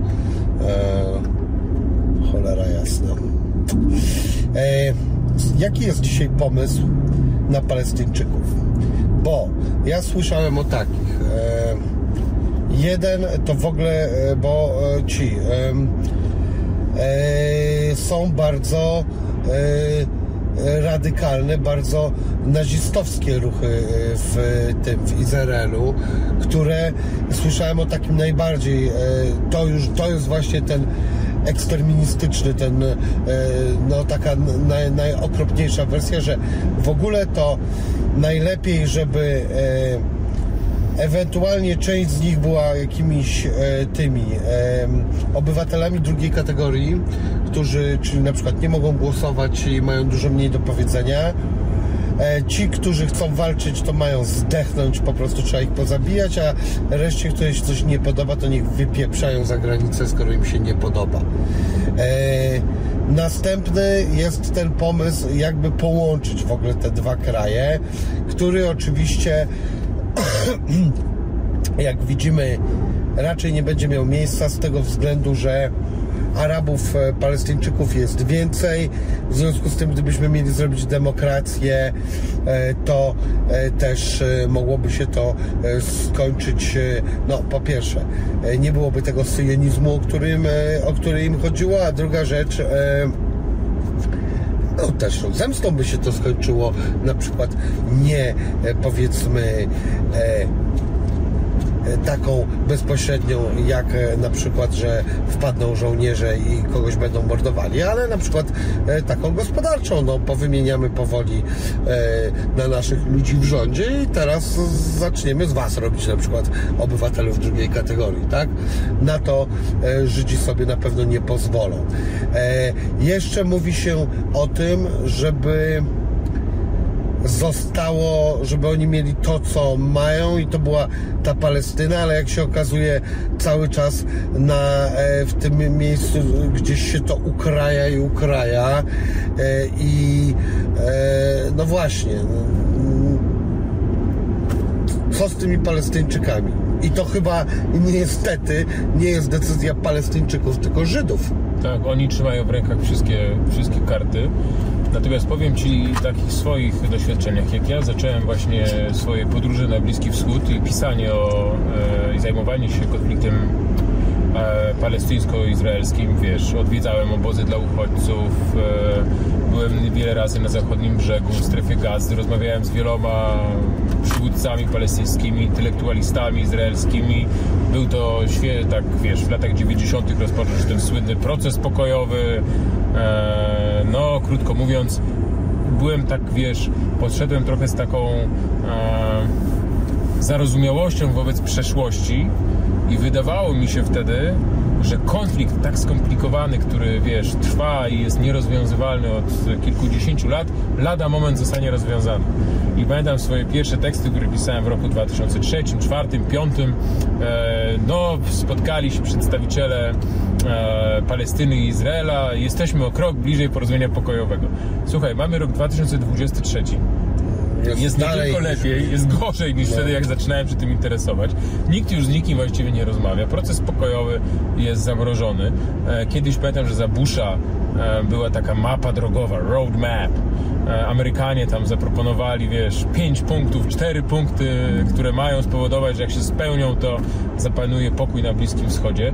Oczywiście wszystko było kamp potłuc, nic z tego nie wyszło. E, Izraelczycy, e, Palestyńczycy lubią pokazywać taką ruchomą mapę, która pokazuje, że e, te e, osiedla żydowskie nielegalne na zachodnim brzegu Jordanu cały czas się powiększają. Ludzie tam przyjeżdżają, głównie ci fanatycy ze Stanów Zjednoczonych. E, w związku z tym co jest realistyczne, co jest nierealistyczne. Ja myślę, że One State Solution, czyli stworzenie e, Arabo-Palestyny, jest o tyle nierealistyczne, że po prostu ci ludzie się w straszliwy sposób nienawidzą. Wyobraź sobie, że jeżeli jadąc izraelskim samochodem na białej tablicy zrobisz błąd i wjedziesz do palestyńskiego miasta, to cię naprawdę obrzucają cegłami. Nie ma żartów. Oni mogą cię zlinczować. Do tego doszły, doszła ta, ta straszliwa nienawiść. Mi się zdarzyło, całe szczęście nic się nie stało, ale wjechać na do Betlejem raz czy dwa na białych tablicach i czułem, wiesz, gęstniejącą, narastającą atmosferę. Z myślą o tym, że nagle znosimy granicę i zachodni brzeg Jordanu, strefa e, Gazy i Izrael tworzy jedno państwo. E, przesuwamy gwiazdę Dawida na fladze i dodajemy e, półksiężyc arabski i mamy rodzaj e, wiesz, takiego o, RPA po zniesieniu apartheidu, czyli multikulturalny kraj, w którym wszyscy będą żyli e, razem, hamasowcy będą chodzili na piwo, wiesz, z zwolennikami Z- z rabina. Kahane, tak, i największymi radykałami. no. Ja myślę, że, ta krew, że to jest piękna, idealistyczna wizja, w którą wierzy e, taka naprawdę bardzo miła część izraelskiego społeczeństwa, czyli takich liberalnych, lewicowych, postrzelonych, trochę ch- wyglądają jak hipisi intelektualistów, nie? Z kampusów, e, z dobrych, wiesz, rodzin. To są bardzo często potomkowie Polaków, żeby było śmiesznie. Oczywiście Aszkenazyjczycy, bo Sefardyjczycy mocniej stąpają po e, ziemi. Natomiast mi się wydaje, że to jest idealistyczny pomysł, który jest nierealny. Teraz wydawało się, że jedynym rozwiązaniem jest separacja. To znaczy już niech Izraelczycy mają swoje państwo w Izraelu, ale zachodni brzeg Jordanu, wschodnia Jerozolima I strefa gazy mogłaby stworzyć jakieś państwo palestyńskie. No ale tak, masz szereg problemów. Pierwsza sprawa, jak połączyć strefę prawda, gazy no. z zachodnim brzegiem? No tunel kopać? Tunel, no tam tu, na tunelach podobno się znają. No tak, ale można by zrobić eksterytorialną autostradę. E, to żartuję sobie, ale e, na pylonach, no wiesz, to jest pierwszy problem, ale to jest akurat pierdoła, tak powiedzmy szczerze. Są państwa, nawet Wielka Brytania ma Gibraltar, który jest oddalony dużo dalej e, niż strefa gazy od zachodniego brzegu. Ale poważnie mówiąc, jaki jest problem? Problem polega na tym, że jeżeli wjedziesz dzisiaj, e, jeżeli ktoś mówi osiedle izraelskie nielegalne na zachodnim brzegu Jordanu. Co to jest? Wyobrażasz sobie, że to stoją jakieś, stoją jakieś namioty, nie? Słuchaj, to są miasta, to są blokowiska całe. To jest wscho- przy wschodniej Jerozolimie byłem na całych blokowiskach, które tam powstały. Teraz, czy można tych. ja- Jak to w ogóle zrobić? Wyrzucić tych ludzi, naruszyć prawo własności? E, Jak to zorganizować? Wyrzucić te setki tysięcy ludzi z tych e, terenów okupowanych? Może wymianę terytoriów zrobić, ale to się nie da, ponieważ oni jak na złość, tak się po... Yy, zobaczcie Państwo, wbijcie sobie do Google'a mapę żydowskich osiedli na terytoriach okupowanych, to są takie kropeczki, to jest trochę tak jakby, jakbyś wiesz, farbą pacnął na, ten, na, na, na, na tą Palestynę. W związku z tym pojawiły się jakieś pomysły kompletnie niedorzeczne, że to zostanie tak jak jest, czyli w sercu terytorium Palestyny będzie znajdowała się jakaś sieć eksterytorialnych dróg, jakichś osiedli, nad których palestyńska policja, wojsko, administracja nie będzie miała kontroli, bo tam będą żyli sobie Żydzi e, znajdujący się pod władzą Izraela. No wiesz, jakieś po prostu kompletne wariackie rzeczy. W związku z tym obecnie jestem absolutnie przekonany, że ten konflikt będzie się ciągnął, ciągnął latami e, i będą młodzi Palestyńczycy się wysadzali w powietrze, strzelali do Izraelczyków, Izraelczycy będą bombardowali strefę gazy co jakiś czas i tak to będzie się e, po prostu jątrzyło i kapało, bo nie ma też takiego, wiesz, męża stanu, który by przyszedł i na przykład powiedział, dobra, słuchajcie, do tych o, palest- izraelskich osadnik- osadników musicie się zabierać. Albo żebyś usiadł z e, Abbasem czy z jakimś innym przywódcą palestyńskim i się z nim dogadał, że trzeba zrobić wymianę, e, wymianę terytoriów. Ariel Sharon, nieżyjący premier Izraela, legenda izraelskich sił zbrojnych, e, zrobił, wyrzucił palestyńs- izraelskich osadników z strefy gazy. Tylko ich było tam bardzo mało.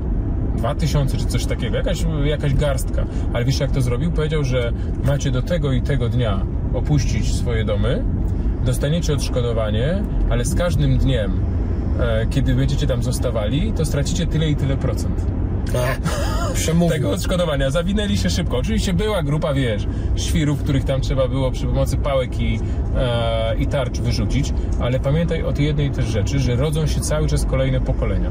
Jeżeli w 67 roku pojechali jacyś osadnicy tam i sobie zamieszkali, wiesz, w głębi terytorium palestyńskich, to tam już są ludzie wychowani, kilkadziesiąt lat tam żyjący, wiesz. W związku z tym e, inaczej rozkładają się te racje niż, nie wiem, w roku 48 czy 67. Są nowe pokolenia ludzi. Oczywiście Palestyńczycy robią szeroki uśmiech i mówią, słuchajcie, niech oni zostaną, tylko zmienią obywatelstwo, mogą być obywatelami Palestyny. No ale wyobrażasz sobie życie e, osadników żydowskich pod e, rządem Hamasu? E, W kraju, który de facto przypomina bardziej Afrykę, bo o tym jeszcze nie mówiliśmy. Wyobrażam sobie, A. wyobrażam sobie, wiem jak było, e, znaczy wiem z takiej jednej prywatnej historii jakiegoś tam znajomego mojego ojca, jak na przykład było właśnie w RPA, gdzie on był, po prostu wyjechał i pracował tam na jakimś wysokim stanowisku. E, I e, w momencie, kiedy właśnie wszystko się zmieniło, wyrzucono go z tego jego wielkiego stanowiska, natomiast finalnie nikt go nie zamordował. Finalnie aktualnie on ma emeryturę, za którą jest w stanie sobie podróżować, żyć. Nikt nie przyszedł i go nie zadźgał w jego domu. On też nie chodził, nie dźgał ludzi, był z, po prostu e, tam e, mieszkał. Nie wiem tam czemu to RPA sobie wybrał, jakoś sobie tam wybrał. E, I e, i nic mu się nie stało, nie wiadomo e, Oj, wiesz. e, jakiego. Oprócz tego, że oczywiście było mu smutno, że stracił swoją pozycję, ale też e, może, e, wiesz, to, to tu nie chcę, e, że tak powiem, zakładać, może miał tą pozycję też z powodu e, swojej, jak to się mówi, white privilege po angielsku, e, a może miał z innego powodu, to ja tego nie wiem i nie mi to oceniać. Natomiast wiem, że jego k- historia nie skończyła się e, tak potwornie, no nie? Wiesz co, ja, y, to jest kusząca analogia zniesienia apartheidu w RPA y, i ja też jej często używam, ale też są duże różnice.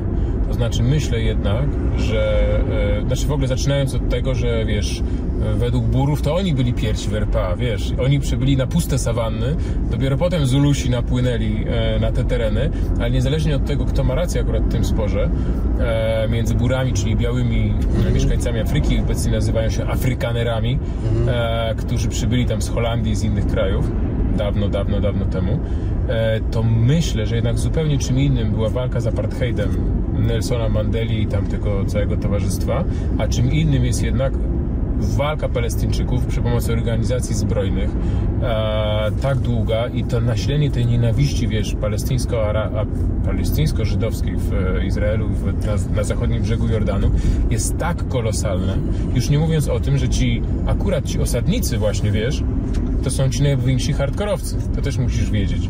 Jeszcze być mogę sobie wyobrazić, że jakiś li- liberał z Tel Awiwu mógłby sobie e, mieszkać pod władzą Hamasu, ale ci osadnicy to jest taki największy hardcore. Oni by w życiu tego nie uznali, byliby po prostu nie uznawaliby tego państwa. E, by- dochodziłoby tam po prostu do wzajemnych na, masakr, napięć. I jeszcze ostatnia e, puenta. Pamiętaj o tym, że e, przy mniejszym jednak moim zdaniem nasileniu nienawiści w RPA e, biali mieszkańcy RPA, odkąd apartheid został zniesiony, czasami wydają po 50-60% swojego, swojej pensji na bezpieczeństwo. Wiesz, rottweilery, druty kolczaste i, i, i kamery. No. Nie wiem, nie wiem. Myślę, że separacja jest, e, e, jest jedyną opcją. Natomiast jest powiedziałeś, że ona trudna. też nie jest opcją. No, no właśnie, no. A co Wymagałaby olbrzymich kosztów społecznych. A co z tym na przykład e, niedopuszczaniem świeżej wody do Palestyńczyków? Była taka e, słynna rzecz związana z e, tymi, ze studniami, e, których e, im nie pozwalano świeżych studni kopać, czy, czy coś Ale to jest, jest mnóstwo takich rozmaitych e, szykan, którymi oni są poddawani. Na przykład pierwsza sprawa studnie, druga sprawa bardzo często ci radykalni żydowscy osadnicy przychodzą i wycinają drzewka oliwne. A wiesz, żeby zasadzić drzewko oliwne, żeby ono tam rodziło, to jest, to jest bardzo długotrwały proces. Dewastują Palestyńczykom te sady oliwne i to jest koniec dla takiego farmera. Kolejna sprawa, ten mur został poprowadzony na zachodnim brzegu Jordanu w sposób kompletnie gwałcący tam jakikolwiek zdrową logikę, po prostu byle było prosto. W efekcie na przykład są Palestyńczycy, którzy mają swoją studnię albo swoje pastwisko po drugiej stronie muru. A, wiesz, Izrael w ogóle jest bardzo małym krajem. To jest rzecz, którą wszyscy, którzy tam przyjeżdżają, właściwie można przejechać, wiesz, w godzinkę, no w cudzysłowie oczywiście, z jednej strony na drugą. E, to jest taki cieniutki paseczek ziemi. Zachodni brzeg Jordanu też jest takim cienkim paskiem ziemi, w związku z tym wszędzie jest bardzo blisko.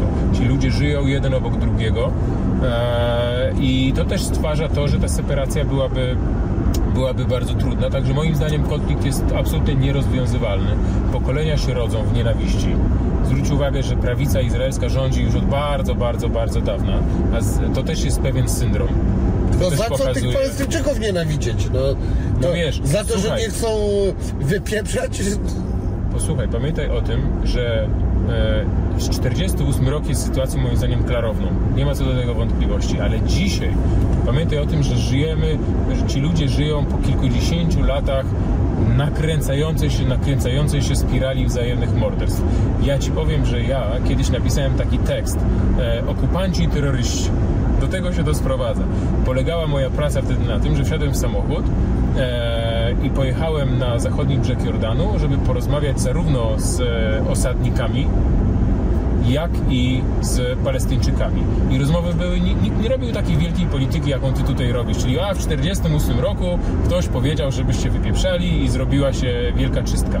Tam były osobiste ludzkie historie, na przykład wchodzę do Tak osiedla, wchodzę do osiedla palestyńskiego i tam siedzą właśnie tacy chłopcy, o których ty mówiłeś, którzy mówią, co myśmy zawinili e, w nalocie z dwa lata temu izraelski helikopter nadleciał nad nasz, e, nad nasz dom, odpalił pocisk i zabili moją małą siostrzyczkę.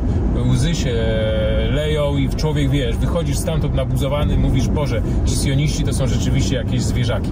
Ale potem wsiadłem w samochód, pojechałem dwa kilometry dalej, przejechałem przez bramę, wiesz, otoczoną drutem kolczastym do, em, do osiedla palestyńskiego, e, Izrael, żydowskiego, no. tak, i pytam, od razu moje pierwsze pytanie, proszę mnie zaprowadzić, mówię, jakąś babkę spotkałem, e, do jakiejś rodziny, która e, straciła kogoś w zamachu terrorystycznym. Ona mówi, nie muszę pana do nikogo prowadzić, bo ja taką jestem osobą.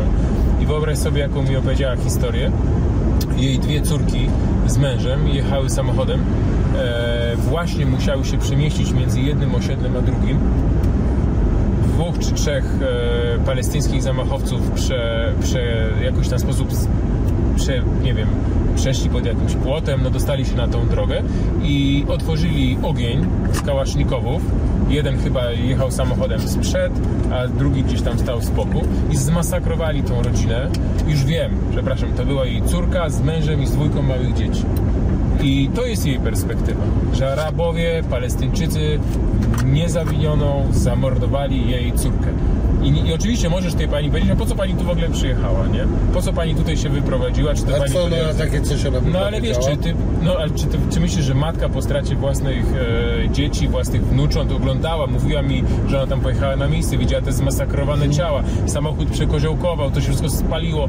Wyobraź sobie coś takiego. Mijają pokolenia w atmosferze wzajemnej nienawiści, nikt tam nie patrzy tak jak ty, wiesz, e, ważenie politycznych, e, kto to, kogo tam obchodzi rok 48.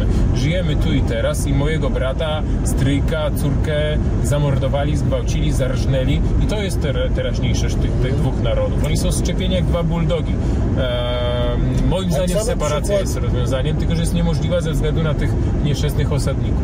No to, czyli oni się Nie ma dobrego rozwiązania. bardzo, e, bardzo dużym ogniem zarzewia.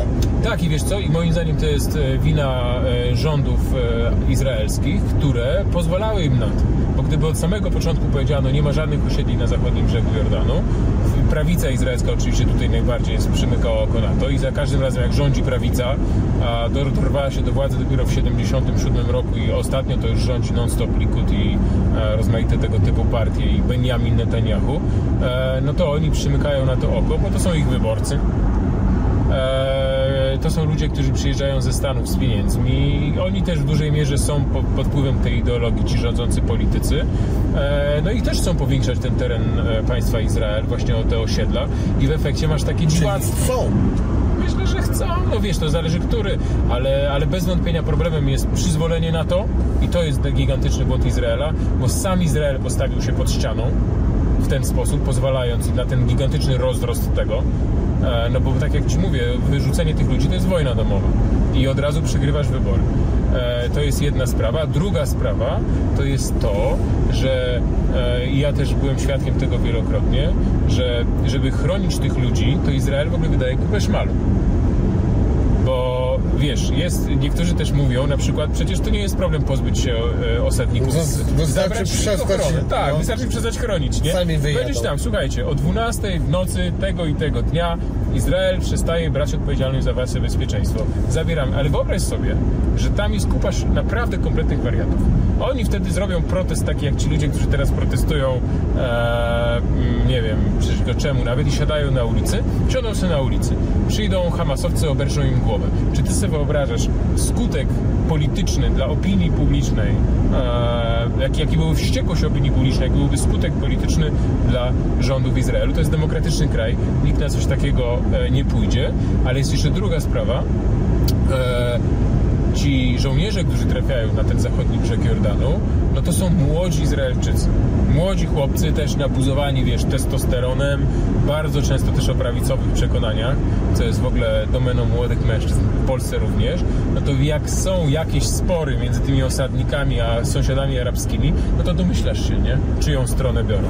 W związku z tym to też psuje olbrzymią ilość krwi, e, bo jak się dwóch e, ludzi okłada kijami, czyli Palestyńczyk z osadnikiem e, izraelskim i podbiega do nich izraelski żołnierz, no to kolbą walnie Palestyńczyka, bo tak po prostu jest e, instynkt ludzki i plemienny, nie? E, Czy tam no się wychowuje e, Kolejny problem. młodzież e, i w ogóle e, czy ty coś sprawdzałeś, jak się wychowuje e, teraz dzieci ludzi w Izraelu? Czy się nastawia też wrogo już w szkole?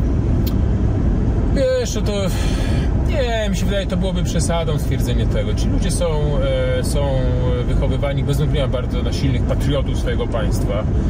Wzbudza się w nich, co jest rzeczywiście dla mnie problemem, może nie tyle nienawiść, wiesz, co ustawiczne poczucie zagrożenia. To jest taka, powiedziałbym, schizofrenia państwa izraelskiego. To znaczy, państwo izraelskie w jego interesie jest to, żeby sprowadzić jak największą ilość Żydów z całego świata. No bo to pomaga w tej walce z e, e, demograficznej z Arabami. W związku z tym, jaki jest e, główny message państwa izraelskiego? Drodzy Żydzi na całym świecie, przez setki lat padaliście ofiarą prześladowań, e, mordów, których zwieńczeniem był Holokaust, dlatego, że zawsze byliście w diasporą.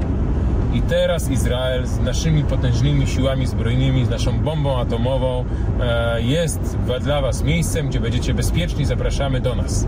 To jest oficjalne. Natomiast jednocześnie Izrael, druga na drugą nóżkę, mówi tak. Żyjemy w arabskim morzu. Każdy chce nas zamordować. Jesteśmy otoczeni przez wrogów. Jesteśmy ustawicznie zagrożeni eksterminacją. Świecie, dawaj nam Eksterminacją. tak, dawaj, o, dawaj, To słowo wtedy można używać. dawaj nam pieniądze, dawaj nam e, pomoc, e, ponieważ ci straszni Arabowie chcą nas zabić i pamiętaj o tym, że sam powiedziałeś, to jest też prawdą, że te najbardziej skrajne organizacje tego typu jak Hamas, ich hasłem jest rzeczywiście wyrzucimy wszystkich Żydów do morza. No tylko, Więc, wiesz co, e, ja nie jestem e, e, w ogóle za tym, e, tylko chodzi mi o to, że ja jestem w stanie to trochę zrozumieć. Jestem to w stanie, jak ty powiedziałeś o tym właśnie przykładzie, e, metaforze wietnamskiej, czyli o tym, przyjeżdżają, wykupują część i mówią to nasze, to ja sobie mogę wyobrazić, że w którymś mo- momencie mówię właśnie to tak, kurna. Je- Jestem w stanie e, zrozumieć, że ktoś dochodzi do takiego poglądu. Wili, ale to są już zabry. Ci ludzie, wyobraź, powiedz to dwudziestolatkowi, który e, urodził się w Tel Awiwie w roku 2003, że twój przodek w 48, co go to obchodzi? On się wychował tam, niż wyobraża sobie A ja ci życia. powiem, że obchodzi. Na przykład e, mój kumpel e, miał kolegę, e, bo mój kolega e, akurat pracuje po świecie i miał e, kumpla, który był z Izraela i powiedział, że nie może tam mieszkać, nie jest w stanie z e, tego zdzierżyć tego, co się robi Palestyńczykom i on się stamtąd zabiera. On tak, ale to jednak jest niewielki procent. Nie no, to jest Zwróć żaden uwagę, procent, to jest, wiesz, Zwróć e, uwagę, że chodzi o to, że ktoś dosyć młody miał, to nie był akurat dwudziestolatek, tylko tam, nie wiem, może teraz 30-paralatek, ale i tak, no nie człowiek, który przeżył 48 e, i to był człowiek, który powiedział coś takiego, to jest, e, to ja się z tym nie godzę, ja po prostu e, jestem ten, dorosły, ja stąd wypieprzam. Słuchaj, sprawa jest jeszcze bardziej złożona. Idea sionistyczna umiera. Młodym pokoleniu. To jest jeszcze inna sprawa, o której, o której zaraz Ci powiem. Tylko do czego ja zmierzam? Ja zawsze zmierzam do tego, żeby patrzeć obiektywnie na rację obu stron. I jeżeli Arab, Palestyńczyk przychodzi i mówi do dwudziestolatka z Tel Awiwu wracaj skąd przyjechałeś, to ten się drapie po głowie, bo przecież ja się tu urodziłem. No to mówi mu Arab, no to wracaj stąd, skąd przyjechał twój ojciec. On mówi, cholera, mój ojciec też się tu urodził w roku tam, nie wiem, 70 którymś. No to dojdziemy do pradziadka, no okej, nie? Ale na tej zasadzie to połowa Amerykanów musiałaby z Ameryki wyjechać. Więc trochę już upłynęło tych pokoleń. To jest to, do czego e, zmierzałem. Natomiast problem młodych Izraelczyków jest taki, nad czym boleje to starsze pokolenie, Mówiłem Ci o tym idei sionistycznej, która niosła tych ludzi. Oni trochę byli tacy, wiesz, jak krzyżowcy w średniowieczu, jak ideowi komuniści, e, nie wiem, przed rewolucją bolszewicką, czyli wiesz, fanatycy idei. My stworzymy nowy, wspaniały świat, nowego Żyda, nowe państwo żydowskie e, i te wszystkie wyrzeczenia w tych kibucach, o których Ci opowiadałem, że tam tymi kilofami tłukli tą rudą ziemię, te wojny, które toczyli, te poświęcenia. Młode pokolenie ten twój przykład tego faceta, który to powiedział, on akurat nie chce żyć w kraju, który źle traktuje Palestyńczyków, ale bardzo wielu tych ludzi nie chce żyć w kraju, w którym jest wojna, ustawiczne poczucie zagrożenia, oni chcą się bawić, oni chcą żyć. Dlatego wielu tak. młodych ludzi wyjeżdża do Nowego Jorku, do Berlina, który jest teraz mekką w ogóle dla młodych Izraelczyków. E, Polski za każdym razem, kiedy jest jakaś intifada, czy Hamas bardziej, wiesz, rozrabia i sypią się pociski na Izrael, nagle ustawia się przed polskim konsulatem w Tel Awiwie kolejka e, młodych ludzi, którzy przypominają sobie, że moja prababcia była, e, wiesz, z Płocka e, i dostają młodzi Izraelczycy paszporty polskie, co pozwala im po pierwsze studiować w Unii, krajach Unii Europejskiej, czego Izrael nie może y, za darmo, tak? Czy tam przy jakichś dużych bonifikatach, ale to też przyznają oficjalnie, że jest pewną polisą ubezpieczeniową. Jak zacznie się palić, czy ten całe państwo się zawali któregoś dnia i rzeczywiście to Morze Arabskie nas zaleje, to wtedy my wsiądziemy do y, samolotu dokumentem podróży, czyli polskim paszportem, uznawanym na świecie, a nie e, z Eee. paszportem Izraela. W związku z tym to też jest taka Dobra, polisa to jest to poczucie zagrożenia, o którym Ty też mówisz. Jest poczucie zagrożenia i pamiętaj, jeszcze wchodzimy w kolejny mój ulubiony konik, czyli wykorzystywanie Holokaustu do oficjalnej ideologii państwa żydowskiego. To znaczy, my, e, oni są włożeni do Yad Vashem, ci młodzi Izraelczycy, czyli tego instytutu, który upamiętnia mm, Holokaust e, pod Jerozolimą. Oni są włożeni na te słynne wycieczki do Polski, które są koszmarem po prostu, o tym też możemy pogadać. Pokazuje się im obozy e, zagłady, Auschwitz i inne. Wiesz I co, ostatnio, się nich widziałem jedną taką scenę No. w Krakowie. Czterech facetów, e, takich z 60 lat, e, tych ekstremalnych Żydów i za nimi, ale dosłownie z 50 dziewczyn. I, tylko, I samych dziewczyn. No wiesz, oni są bardzo konserwatywni. I tylko tych e, czterech typa e, starszych. No tak, ale to akurat jest e, ta mm, środowisko ultraortodoksów, których ja mam zresztą wielką słabość, e, bo przypominają mi, wiesz, tych właśnie Żydów litewskich, e, których opowiadał mi mój dziadek, którzy gdzieś tam pod Kownem no, byli elementem krajobrazu i pejzażu. Natomiast ta młodzież izraelska, która przyjeżdża, e, to jest raczej, wiesz, luzacka, mają, wiesz, iPhony, słuchawki nowoczesne, I słuchają tej samej muzyki, rapu, oczywiście, że tak. I oni też rozrabiają dzikie zające, oczywiście, jak to młodzież, w tych wszystkich hotelach to cały czas słyszymy, ale y, o co chodzi w tej ideologii państwa Izrael? Państwo Izrael mówi tym wszystkim ludziom nigdy więcej nie pozwolimy na to, żeby Żydzi padli ofiarą Holokaustu. Dlaczego? Dlatego, że mamy nasze siły zbrojne, e, potężne, które stoją na straży waszego bezpieczeństwa.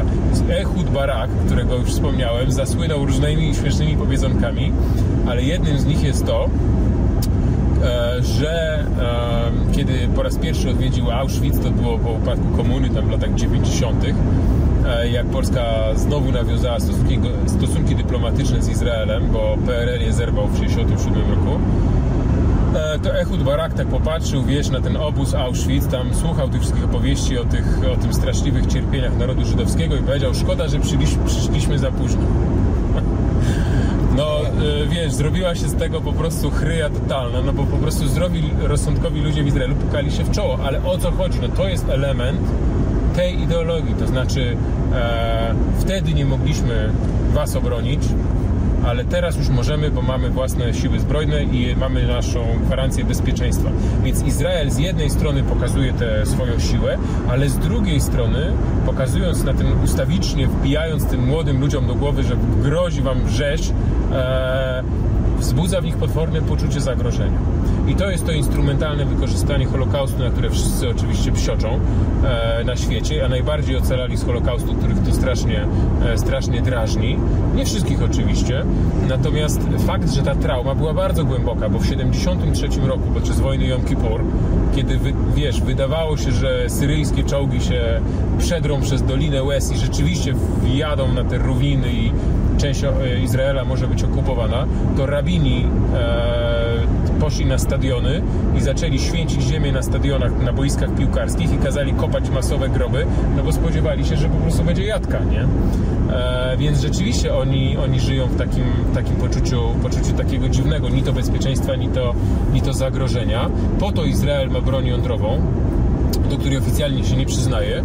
Oficjalne stanowisko Izraela jest takie, że nie mają głowic. Tak, no tak, bo to ma być, wiesz, ta ostateczna polisa ubezpieczeniowa. Jak zawiodą nasze siły zbrojne, to broniąc naszej egzystencji jako narodu żydowskiego i państwa żydowskiego naciśniemy czerwony guzik i tam trzepniemy, wiesz, w Damaszek czy e, w inny, w inny kraj, e, czy w inną stolicę arabską. Oczywiście to jest dużo, w dużej mierze wydumane, bo zarówno z Egiptem, jak i z Jordanią Izrael jakoś podpisał porozumienia pokojowe i świetnie żyją, szczególnie z Jordańczykami. Jest doskonała współpraca Izraela z Jordanią. Z Egiptem też nieźle im się żyje. Syria właściwie już nie istnieje jako państwo obecnie.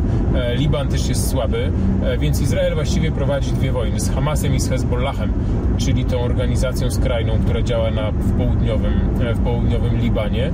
Są to konflikty asymetryczne, bo Izrael ma, wiesz, F-16 i czołgi Merkawy, a tamci mają głównie rakiety domowej produkcji.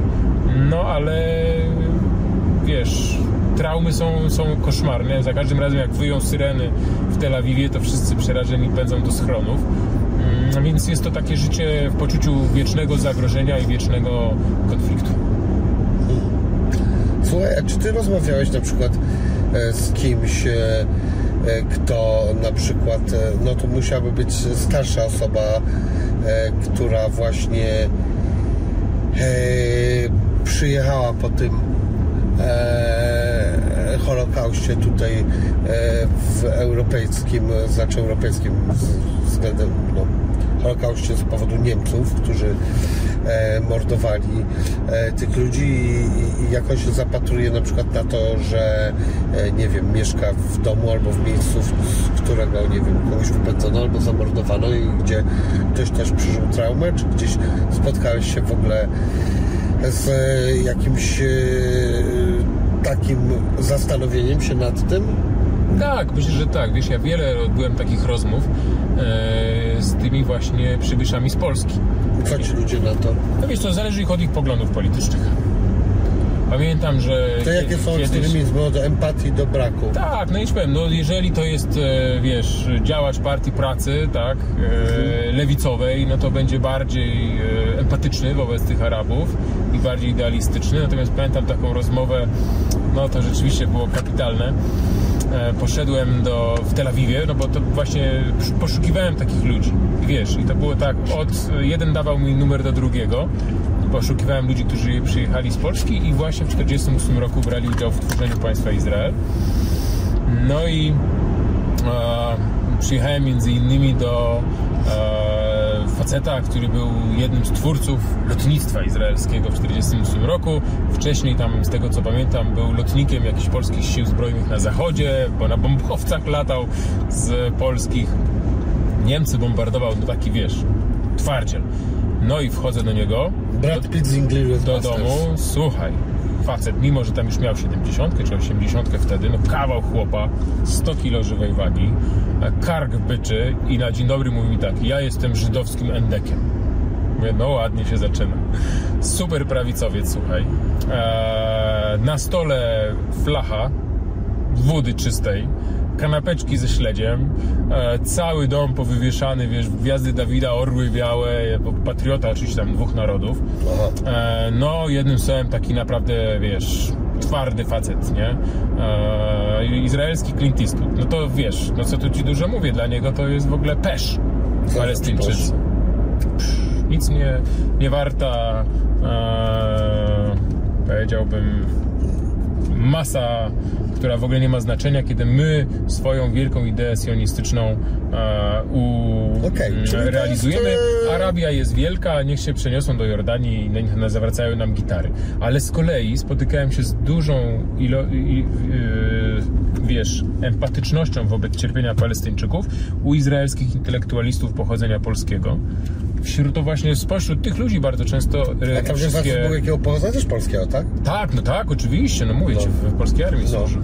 E, wśród ludzi, którzy... Nie on po takim czymś, taki facet, dla niego to jest jakieś robactwo, tak? I on, No e, nie przesadzajmy też, No ale, ale, ale też zabrzmiało No, to jak wiesz, jaki rodzaj- pieprzyć ich tam. Nie, no tak, no i są nieważni, oni są jakby, my tu e, wykuwamy, wiesz, e, wielkie e, historyczne wydarzenia, tworzymy państwa, a tu pałętają się jacyś półdzicy ludzie, którzy przecież, e, co to dla Araba za różnica, czy mieszka w Palestynie, czy w Jordanii, czy w Syrii, bo to sama pustynia. Wiesz o co chodzi, nie? Ten sposób myślenia. No to jest, ale, to jest jednak taki sposób myślenia, jaki nie wiem, chyba Niemcy do Żydów potrafili mieć, no nie? No zachowajmy proporcje. Nie, nie gazują, wiesz, Izraelczycy nikogo. E, wielu badaczy uważa, że Nagba była czystką etniczną. Zgoda. Masowym wypędzeniem, ale jednak nie było tam, e, wiesz, działań ekstrem, eksterminacyjnych wobec, całego narodu z takim założeniem, że e, my chcemy wymordować wszystkich Arabów. Raczej chodziło o masowe wypędzenie, także e, to jednak jest zasadnicza różnica.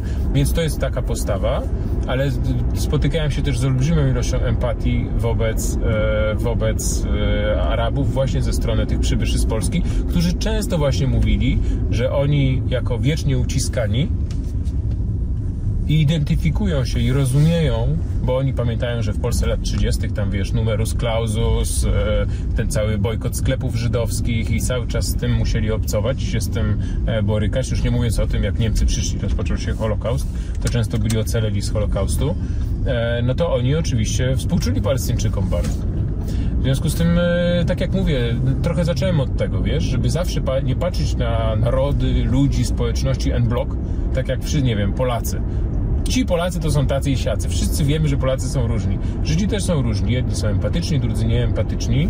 Jeżeli zobaczysz na e, takie popularne filmiki, które czasami lubię oglądać na YouTubie, e, nie wiem, zamieszki i zadyma e, gdzieś tam powiedzmy w Hebronie właśnie, gdzie izraelska policja walczy z jakimiś tam aktywistami.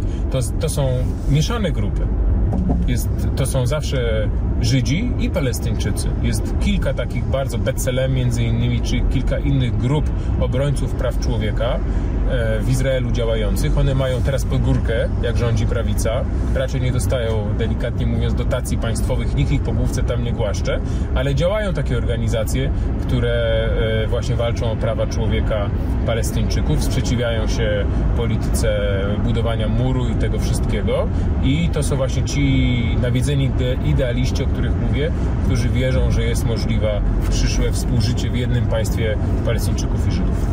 Czy ty czytałeś Króla od Twardocha? Wiesz co, przeczytałem tą drugą część, Królestwo, Królestwo. i nie podobała mi że się ta jest gorsza. W ogóle e, dużo osób mówiło, że Królestwo jest e, słabe i dlatego ja nie przeczytałem, a Król wiele osób mi polecało i ja przeczytałem. No to tutaj trudno będzie mi zadać pytanie, bo mm, moje pytanie miało dotyczyć, no, znaczy, może uda mi się jednak zadać, miało dotyczyć tego, mm, tam jest przedstawiony e, w międzywojennej Polsce e, potworny, bardzo mocny rozłam między e, tą żydowską społecznością a polską w Polsce i mm, że jednak tam jest tak bardzo mocno to zbudowane, że jednak tam bardzo mało było tego gdzieś pojednania, takiego e, jakby e, za em, no nie wiem, żeby wiesz, Żydówka z Polakiem e, byli razem, to to było źle postrzegane i na odwrót i e, jakby te środowiska, o, nie mieszały się.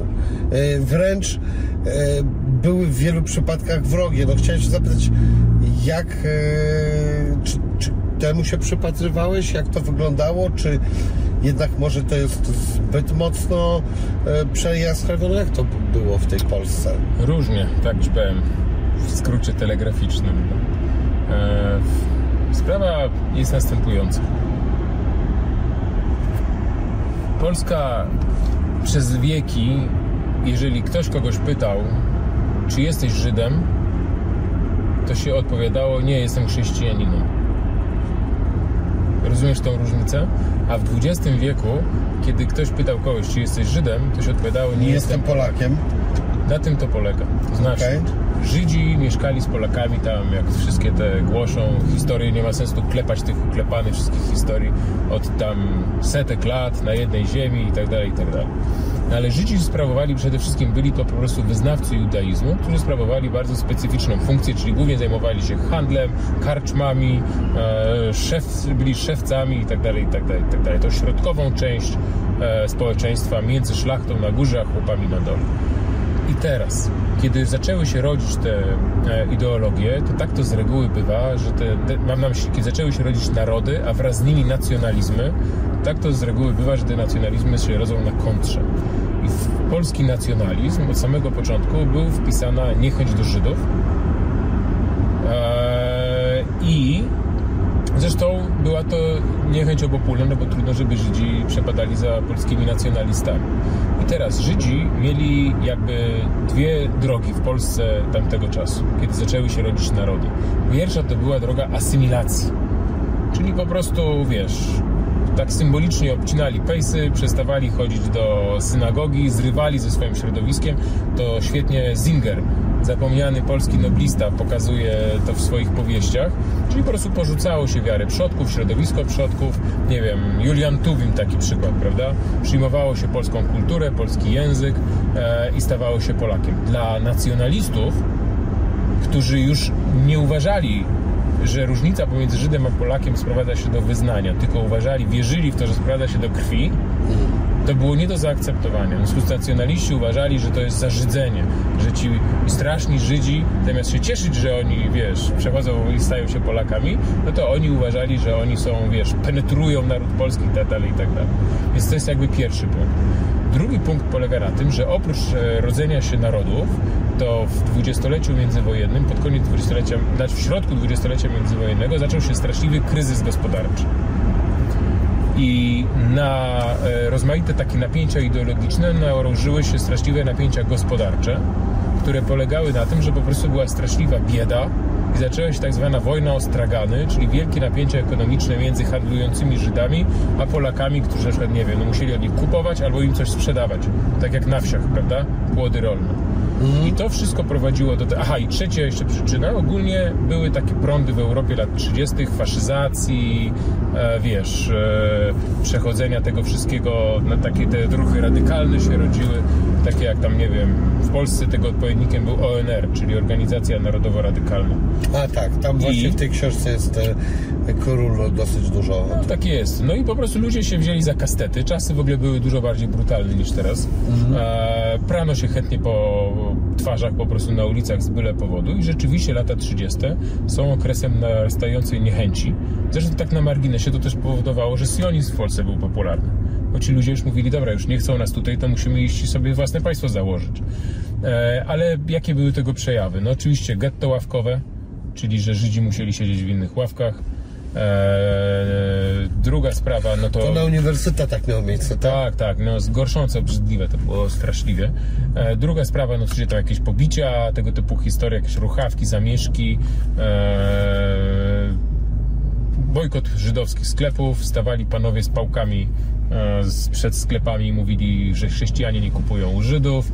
E, oczywiście jakieś gazetki takie, które teraz tam z, zgrozą się czyta, wiesz co tam w ogóle pisano w tych gazetach, jakieś, jakieś koszmarne rzeczy o Żydach. No i oczywiście ta, narastał ten, e, ten, e, ta, ta niechęć, ta nienawiść w latach 30. Oczywiście też Żydzi, no, jakby to ująć, nie mogę powiedzieć, żeby odpowiadali piękne za nadobne, ale na przykład jednym z elementów tego, w jaki Żydzi reagowali w ten sposób, było to, że spora część żydowskich intelektualistów na przykład opowiadała się za komunizmem. Czyli ten, wiesz, przysłowiowy Trocki albo nie wiem, o, żydowski komisarz w czarnej kurtce z rewolwerem, który tam strzela wszystkim w głowę. Oczywiście to był taki stereotyp, ale trochę prawdy w tym było. Rzeczywiście dużą część na przykład e, KPP, czyli Komunistycznej Partii Polskiej, która ewidentnie była nastawiona przeciwko państwu polskiemu, stanowili, e, stanowili Żydzi e, i zarówno na górze, jak i na dole. W związku z tym traktowano siłą rzeczy, stąd wziął się potem ten stereotyp też do komuny, że Żyda, Żydzi to właściwie są rozsadnikami idei komunistycznej. No i siłą rzeczy ta nienawiść i obopólna niechęć narastała. Pod koniec lat 30. dochodziło do coraz większej ilości jakichś, wiesz, wystąpień, często o charakterze pogromowym. No i niestety w ten sposób obie społeczności wkroczyły w II wojnę światową. Niemcy, jak wiadomo, wzięli całą Polskę, najpierw pół, potem całą pod okupację. Rozpoczęli masową eksterminację Żydów. No i tutaj wchodzimy w kolejny wielki temat, jaka była na to reakcja polskich sąsiadów. No jaka była? Różna. No różna. No właśnie tak mi się wydaje. Dokładnie. Ale czy też nie było tak, że i różna była reakcja Żydów e, wobec Polaków, e, gdy na przykład e, te same rzeczy wydarzały się ze wschodu? Oczywiście. Na tym polega właśnie to. Na tym polega cały sens. To jest jak... pokazane na przykład w, w tym w Weselu 2. Tak, tak. Ale wiesz, ja, ja powiem Ci teraz takie swoje credo.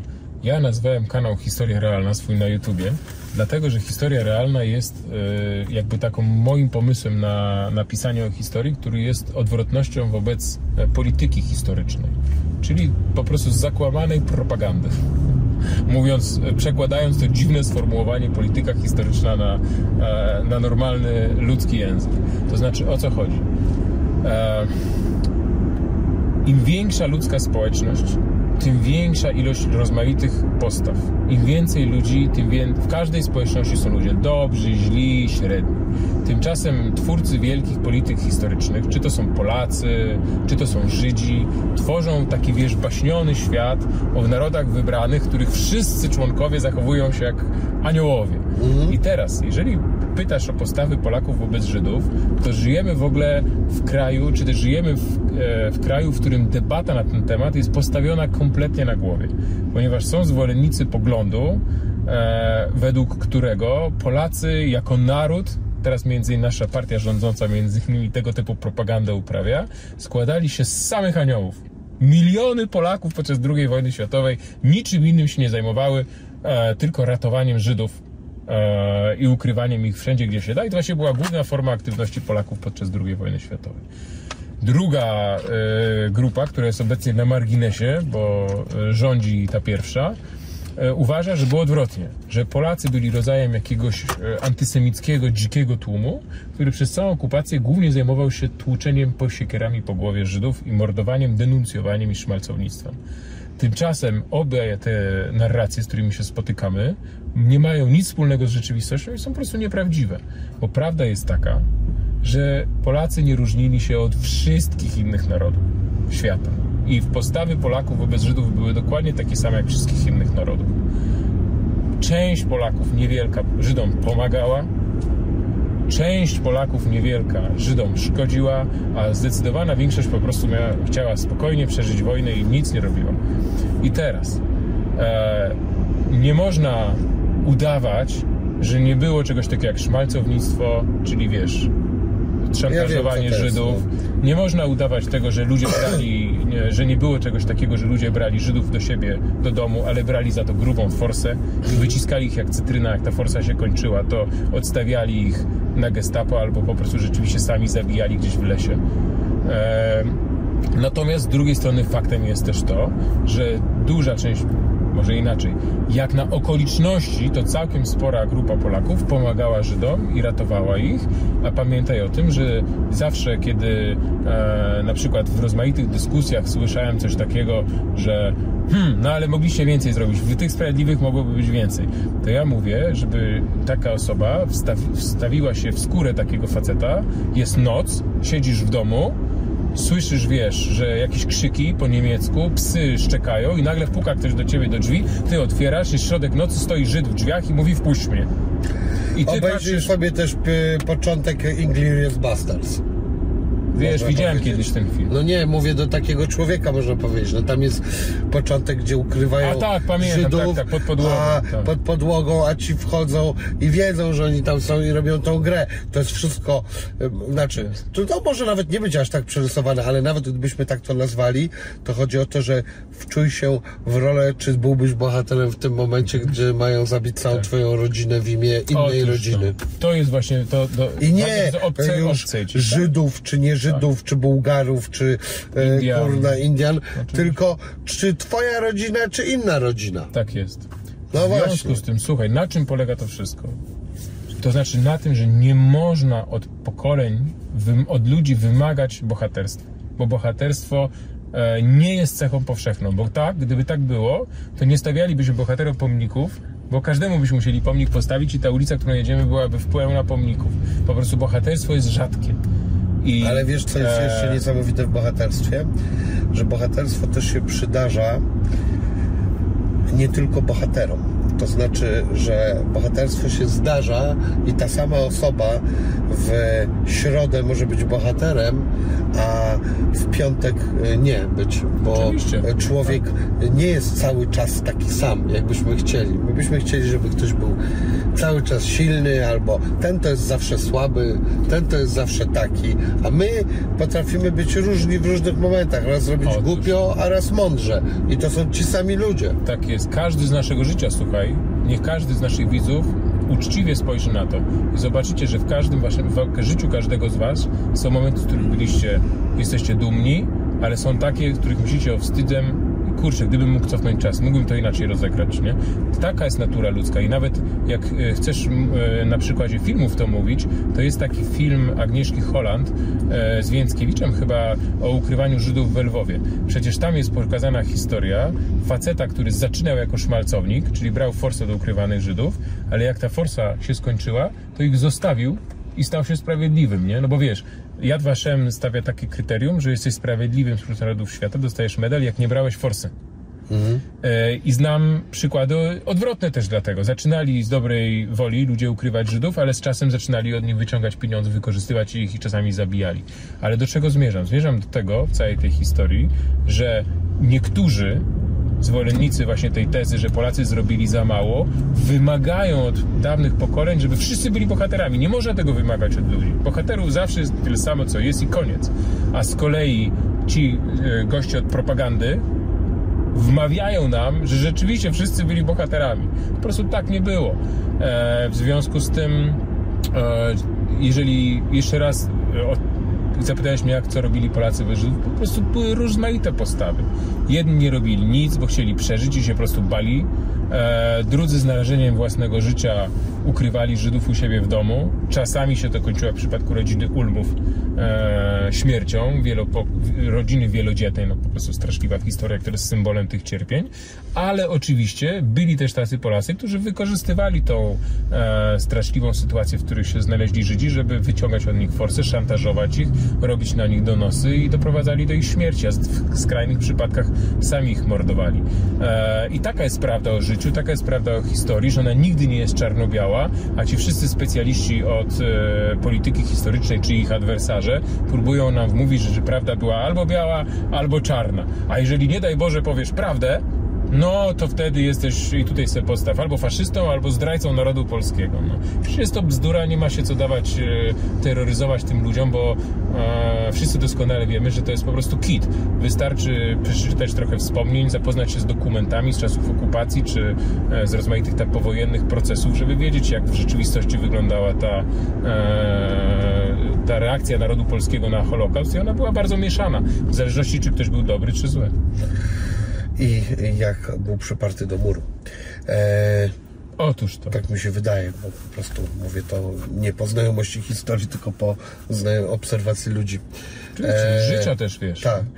E, Wiesz co, e, będziemy powoli kończyć, ale jeszcze mam takie chyba trzy szybkie pytania, a jedno to nie jest szybkie, ale spróbujemy je zamknąć jako szybkie. Słuchaj, tak, zacznę od tych szybszych. Dobra.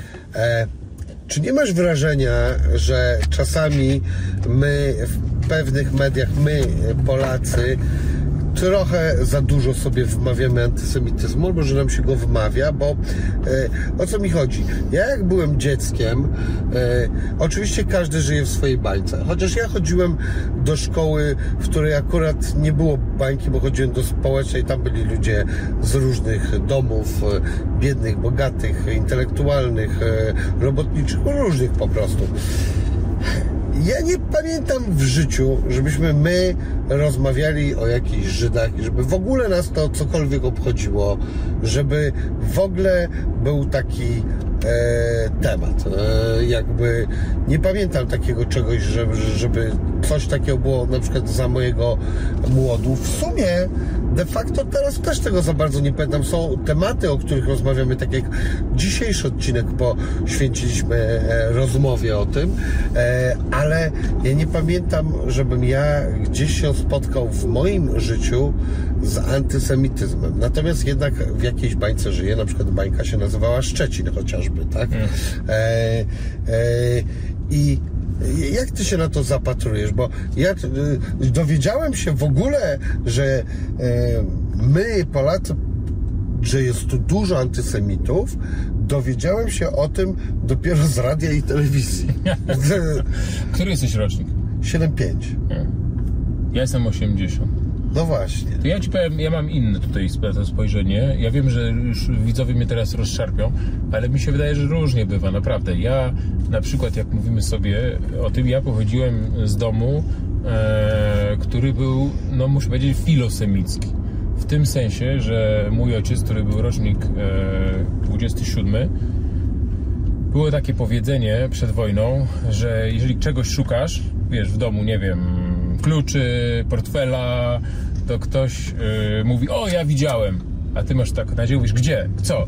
I się odpowiadało, jak dwaj Żydzi na kiju nieśli. Okej. I mój ojciec zapytał to sprzed wojny, ale żeby mnie się, młodemu człowiekowi, na kojarzyli nie źle. czyli to miało oznaczyć, że ukradli? Ukradli, czy... niosą na bazar, Dobra, rozumiem. Okej. E, żeby mnie się to źle nie kojarzyło, to mój ojciec prowadził specjalnie dla naszej rodziny wersję dwaj tacy na kiju nieśli. Więc możesz sobie wyobrazić, niech ta anegdota pokaże, jaki był klimat w moim domu, jeżeli chodzi o te sprawy. I ja wychowałem się właśnie w takim duchu, wiesz, totalnie filosemickim i, w ogóle absolutnie. I rzeczywiście szokiem dla mnie było to, kiedy zacząłem e, kontaktować się ze swoimi rówieśnikami i spotkałem się z zupełnie innym światem. Pokażę Ci kilka przykładów. Pierwszy, graliśmy w noża. Grałeś kiedyś w noża? E, grałem, chyba, że się coś tam rzuca. Robisz kółko, No, tak, rzucasz scyzorykiem No. i potem jak ciepniesz, to odcinasz kawałki i to ma mniejszy kawałek. No. To, ten. Otóż, kiedy nóż moich kolegów natrafiał na kamień, odbijał się, to No. oni krzyczeli Żyd. Mówię, kurde, o co chodzi? Ten kamień, który im przeszkadzał, rozumiesz? To był No. Żyd. Potem na moim podwórku e, śpiewano piosenkę, e, która leciała mniej więcej w ten sposób, z lubością. Jak stary Niemiec Hans e, do gazu zamykał drzwi, to Żydzi do gazu szli. Coś w tym stylu, na melodię jakiś tam Haili Hailo, coś w tym guście. Młodzież to śpiewała z lubością. Kiedy zacząłem chodzić na mecze, dowiedziałem się, że Widzew to jest w rzeczywistości Żydzew, a kibice łódzkiego klubu sportowego to są również Żydzi. E, I tego typu historie. A potem, jak zacząłem jeździć taksówkami, e, to raz czy dwa wdałem się w rozmowę o kwestii żydowskiej z taksówkarzami warszawskimi i muszę Ci powiedzieć, że był to dla mnie mocny, e, mocny szok. Także jak dzisiaj e, ktoś mi opowiada taką historię, że antysemityzm e, polski nigdy nie istniał, że to jest wymyślony Nie, przez, nie, nie, nie, e, nie. posłuchaj, Ja przez nie złych mówię, Żydów, którzy chcą, nie to ja po prostu mogę być na dwa sposoby. Mogę wystąpić jako żołnierz e, polityki historycznej państwa polskiego, jako dobry, zakłamany patriota, i powiedzieć, no ale skąd, że 43 lata żyję w Polsce, w życiu nie słyszałem złego słowa na Żyda.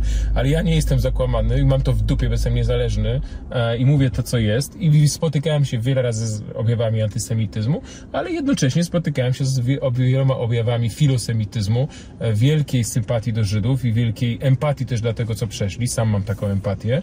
E, I mało tego, jeżeli już mogę powiedzieć coś pozytywnego, to moim zdaniem to się zmniejszyło. Ja się wychowałem w latach 80., 90., kiedy nasilenie tego było bardzo duże. Teraz muszę powiedzieć, że e, bardzo rzadko się z tym e, spotykam. Może dlatego, że już nie, zna, nie gram, wiesz, w noża na podwórku z chłopakami, e, ale, ale kiedyś, kiedyś, było tego, kiedyś było tego więcej. Y, wiesz co, y, w moich latach było jedynie słowo żydzić, które oznacza e, tak. być skąpym. Natomiast, wiesz co, nie, ja bym nie robił przesady, że takie słowo to jest antysemityzm. To jest po prostu okej, okay, dobra, może ktoś powiedzieć, to jest negatywne słowo związane z narodowością, więc jest na swój sposób anty, ale mi chodzi o to, że finalnie ja nie pamiętam, że tematem dyskusji albo w ogóle jakiejś prawdziwej antypatii był naród żydowski. Ja tego nie pamiętam. Żeby to, że ktoś opowiedział e, kawał taki czy śmaki, albo coś innego. Wiesz, masz na przykład dzisiaj seriale w stylu Family Guy, Simpsonowie. Stary, tam drą łacha ze wszystkich porówno. Tam nie ma pierdolenia. E, I e, kurna, pamiętam odcinek, w którym na przykład się śmieli z tchórzostwa żydowskiego w jednym z odcinków i nie mówi się, że ci goście to antysemici, tylko po prostu oni będą się śmiali z naziolstwa niemieckiego, gdzie przecież nie, e, wiesz, e, e, teraz nawet, po prostu oni przyłapiają pewne przypinają pewną łatkę i robią z tego pewien żart. Tak jak w ogóle buduje się żarty. No są e, żarty e, też o różnych narodowościach i o naszej polskiej. ja, e, wiesz, jak będę słyszał żarty o głupim Polaku, to nie muszę powiedzieć, że od razu ktoś jest antypolską osobą. No, Słuchaj, więc ja się śmiejemy się z siebie. Śmiejemy się z grubych, z różnych ludzi i... Dobrze, ale dobra, to jak chcesz tak argumentować, czy, czy za moich czasów jednak muszę powiedzieć, że ty Żydzie to jednak była obelga, nie? Okay, A ty to... Czechu czy Amerykaninie nie. Nie, to ja się z tym jakoś eee, specjalnie nie, nie, nie wiem. Nie, Kurwa, gdzieś mnie to ominęło. Stary, ale to moim zdaniem mówimy w ogóle o problemie, który moim zdaniem całe życie zanika. Trudno w ogóle mówić o antysemityzmie bez Żydów, bo przecież tych Żydów podczas mojego, twojego dzieciństwa już e, po prostu nie było. Myślę, że, e, że, że zupełnie inna sytuacja teraz, jak rozmawiamy w roku 2023, a inna niż jak ja byłem dzieciakiem a zupełnie inna już podczas II wojny światowej. I jeżeli mówimy o antysemityzmie, to jeszcze powiem Ci jedną rzecz. W ogóle intelektualiści mają bardzo często taki e, pokusę, żeby tłumaczyć świat przez własne okulary. Powiem Ci o to co chyba chodzi. wszyscy mają, to nie tylko intelektualiści. Ale tu jest bardzo specyficzna rzecz, to znaczy dotyczy to właśnie tego problematyki, której my mówimy. Znaczy intelektualiści ogólnie rzecz biorąc są zawsze zanurzeni w jakichś ideach, w jakichś izmach. Aha. I teraz bardzo często, kiedy y, mówi się o negatywnych zachowaniach Polaków wobec Żydów, no to siłą rzeczy intelektualiści poszukują jakiegoś klucza. Mam na myśli oczywiście te zachowania, o których mówiliśmy podczas II wojny światowej. No i najprostszy klucz antysemityzm, tak? Byli antysemitami, czytali tam pisma Dmowskiego, zwolennikami narodowej demokracji, no to stąd tych Żydów e, szantażowali podczas wojny. Tymczasem moje doświadczenie i ten materiał źródłowy, z którym ja miałem do czynienia, jeżeli chodzi o te wszystkie ciemne strony stosunków polsko-żydowskich podczas okupacji, to było zupełnie inaczej. To znaczy podstawowym e, motorem napędowym takich zachowań nie były żadne izmy, bo to byli często niepiśmienni, bardzo prymitywni ludzie, którzy nie mieli nic wspólnego z ideami, wiesz, antysemityzmem, nacjonalizmem czy czymś takim. Oni po prostu, to była zwykła ludzka chciwość. Ci ludzie byli zabiedzeni bardzo często pod okupacją i e, w momencie, kiedy Niemcy wyjęli Żydów spod prawa i ci uciekinierzy z get, czy tam wiesz, z transportów gdzieś tam się błąkali po lasach i czasami mieli zaszyte 3 dolary e, wiesz, uciłane przez całe życie w kapocie, to dla nich to była chodząca skarbonka. Buty, ciuchy, szmalcownictwo w ogóle wzięło się z bardzo prymitywnych instynktów, to znaczy można wykorzystać tych ludzi, żeby się wzbogacić. Tam nie było, wiesz, wielkich ideoli, i, i, i idei. Rozumiem, jakby e, biegał tam Brazylijczyk y, i byłby do skoszenia, to, To- też by się go kosiło tak. i to wszystko. Oczywiście, że tak. I to wychodzi, to bardzo widać w tych, tych i żydowskich relacjach, i dokumentach niemieckich, i polskich, z procesów późniejszych powojennych, że to byli po prostu ludzie, którzy się chcieli w ten sposób, prosty sposób e, e, wzbogacić. Nasi specy od polityki historycznej, których po prostu nie cierpię, mają taką teorię, że wojna wyciąga z ludzi to, co najlepsze bo oni patrzą na historię Polski z perspektywy kamieni na szaniec i niewielkiej grupki, e, wiesz, dzieci z dobrych domów z Warszawy, z batalionów z Zośka i Parasol. Tymczasem to była niewiel... to, to tymczasem e, rzeczywistość okupacyjna była zupełnie inna. Wojna wyciąga z ludzi to, co najgorsze. Wojna to jest czas wielkiej, wielkiej demoralizacji.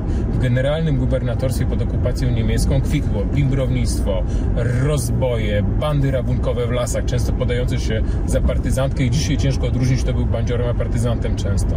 E, więc efekt e, tego było ogólny spadek bezpieczeństwa, życie ludzkie nie było warte nic i w ten sposób socjologiczny, psychologiczny należy tłumaczyć zdecydowaną większość tych aktów przemocy, których Polacy dopuszczali się na Żydach, a nie tam wieś jakimiś wielkimi izmami. I to samo dotyczy drugiej strony. Jak Polak ratował Żyda, to wiesz, nie oznacza, że był, nie wiem, katolickim działaczem i czymś Nie, w tym stylu. człowieka. Tylko po prostu był zwykłym, przyzwoitym człowiekiem, rozumiesz? Ratował bliźniego, bo po prostu miał poryw dobrego serca i był przyzwoitym facetem. Eee, aha, jeszcze jedna rzecz, którą chciałem poruszyć, żeby to nie było takie jednostronne. Poruszyłeś kwestię 17 września.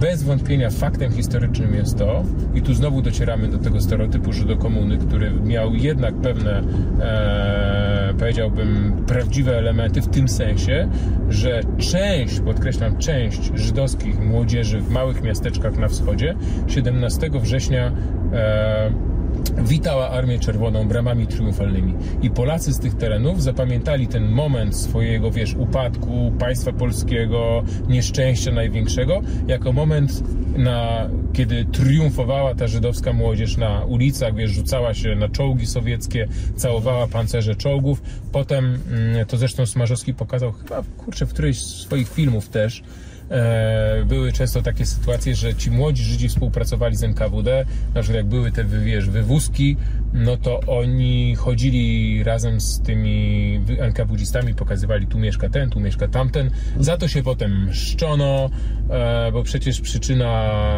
Jedwabnego, tych wszystkich innych tam pogromów, które tam były w tym Łomżyńskim, bardzo często była taka, że po prostu uważano, że ci ludzie byli kolaborantami sowieckimi i teraz my się zemścimy.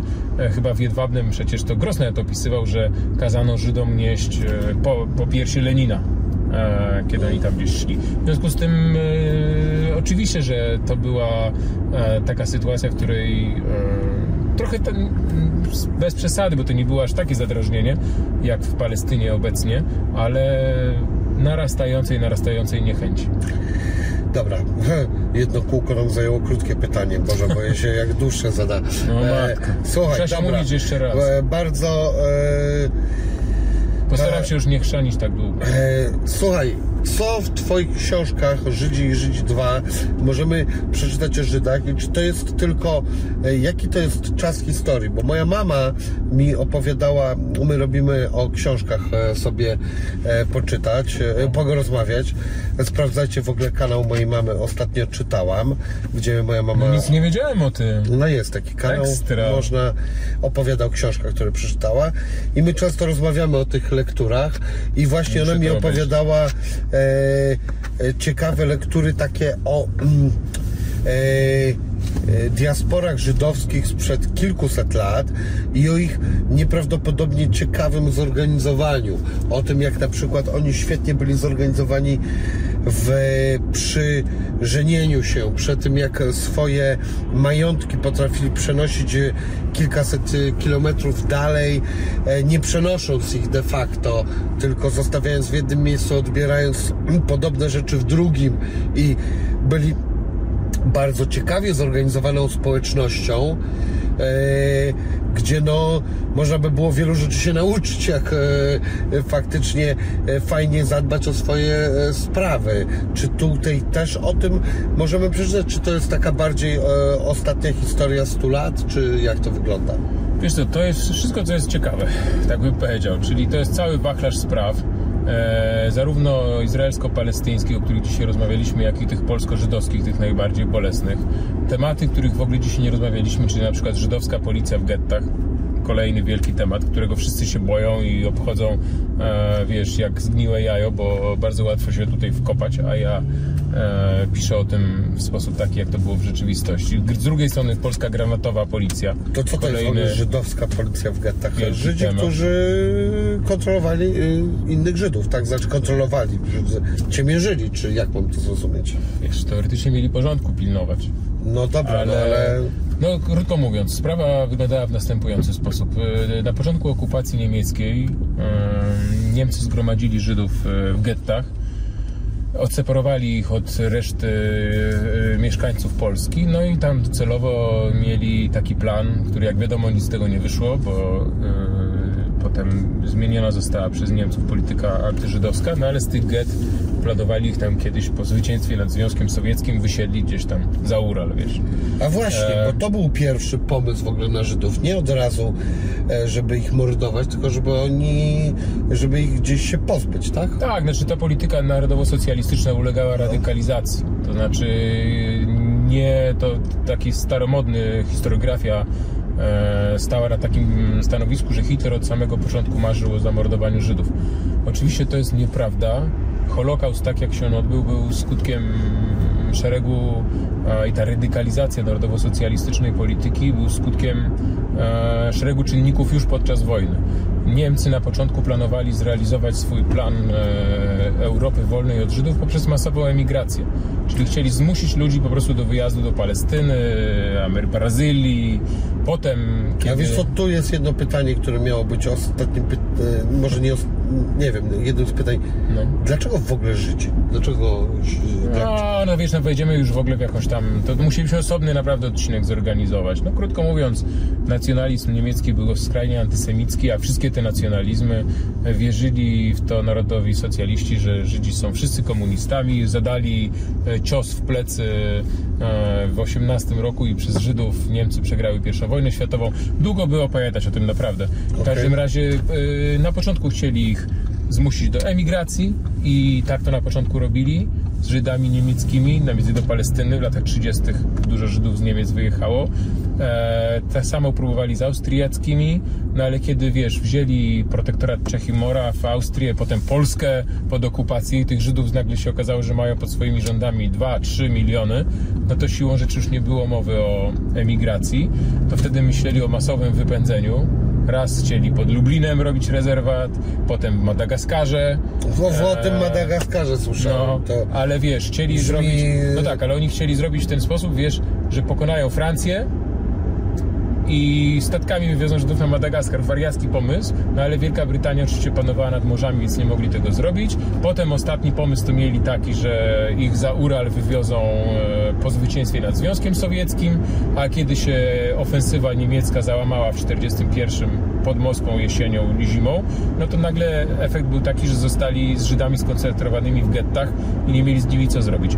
I wtedy mm, e, lokalni rozmaici tam dowódcy, to się zaczęło w Poznaniu, niemieccy po prostu no, zaczęli rozwiązywać problem na własną rękę, zaczęli mordować, gazować ludzi i tak się rozpoczął Holokaust jako masowa zagłada przy pomocy tych wszystkich, e, wiesz, straszliwych, potwornych mm, metod, e, które znamy z Auschwitz. No ale e, jakby ta pierwsza faza polegała na separacji, wracamy do policji żydowskiej, E, W związku z tym ludzi zamknięto w gettach, odgrodzono od tak zwanej strony aryjskiej, a ponieważ Niemcy chcieli jak najmniej się zajmować tym, w związku z tym wyznaczyli Judenraty.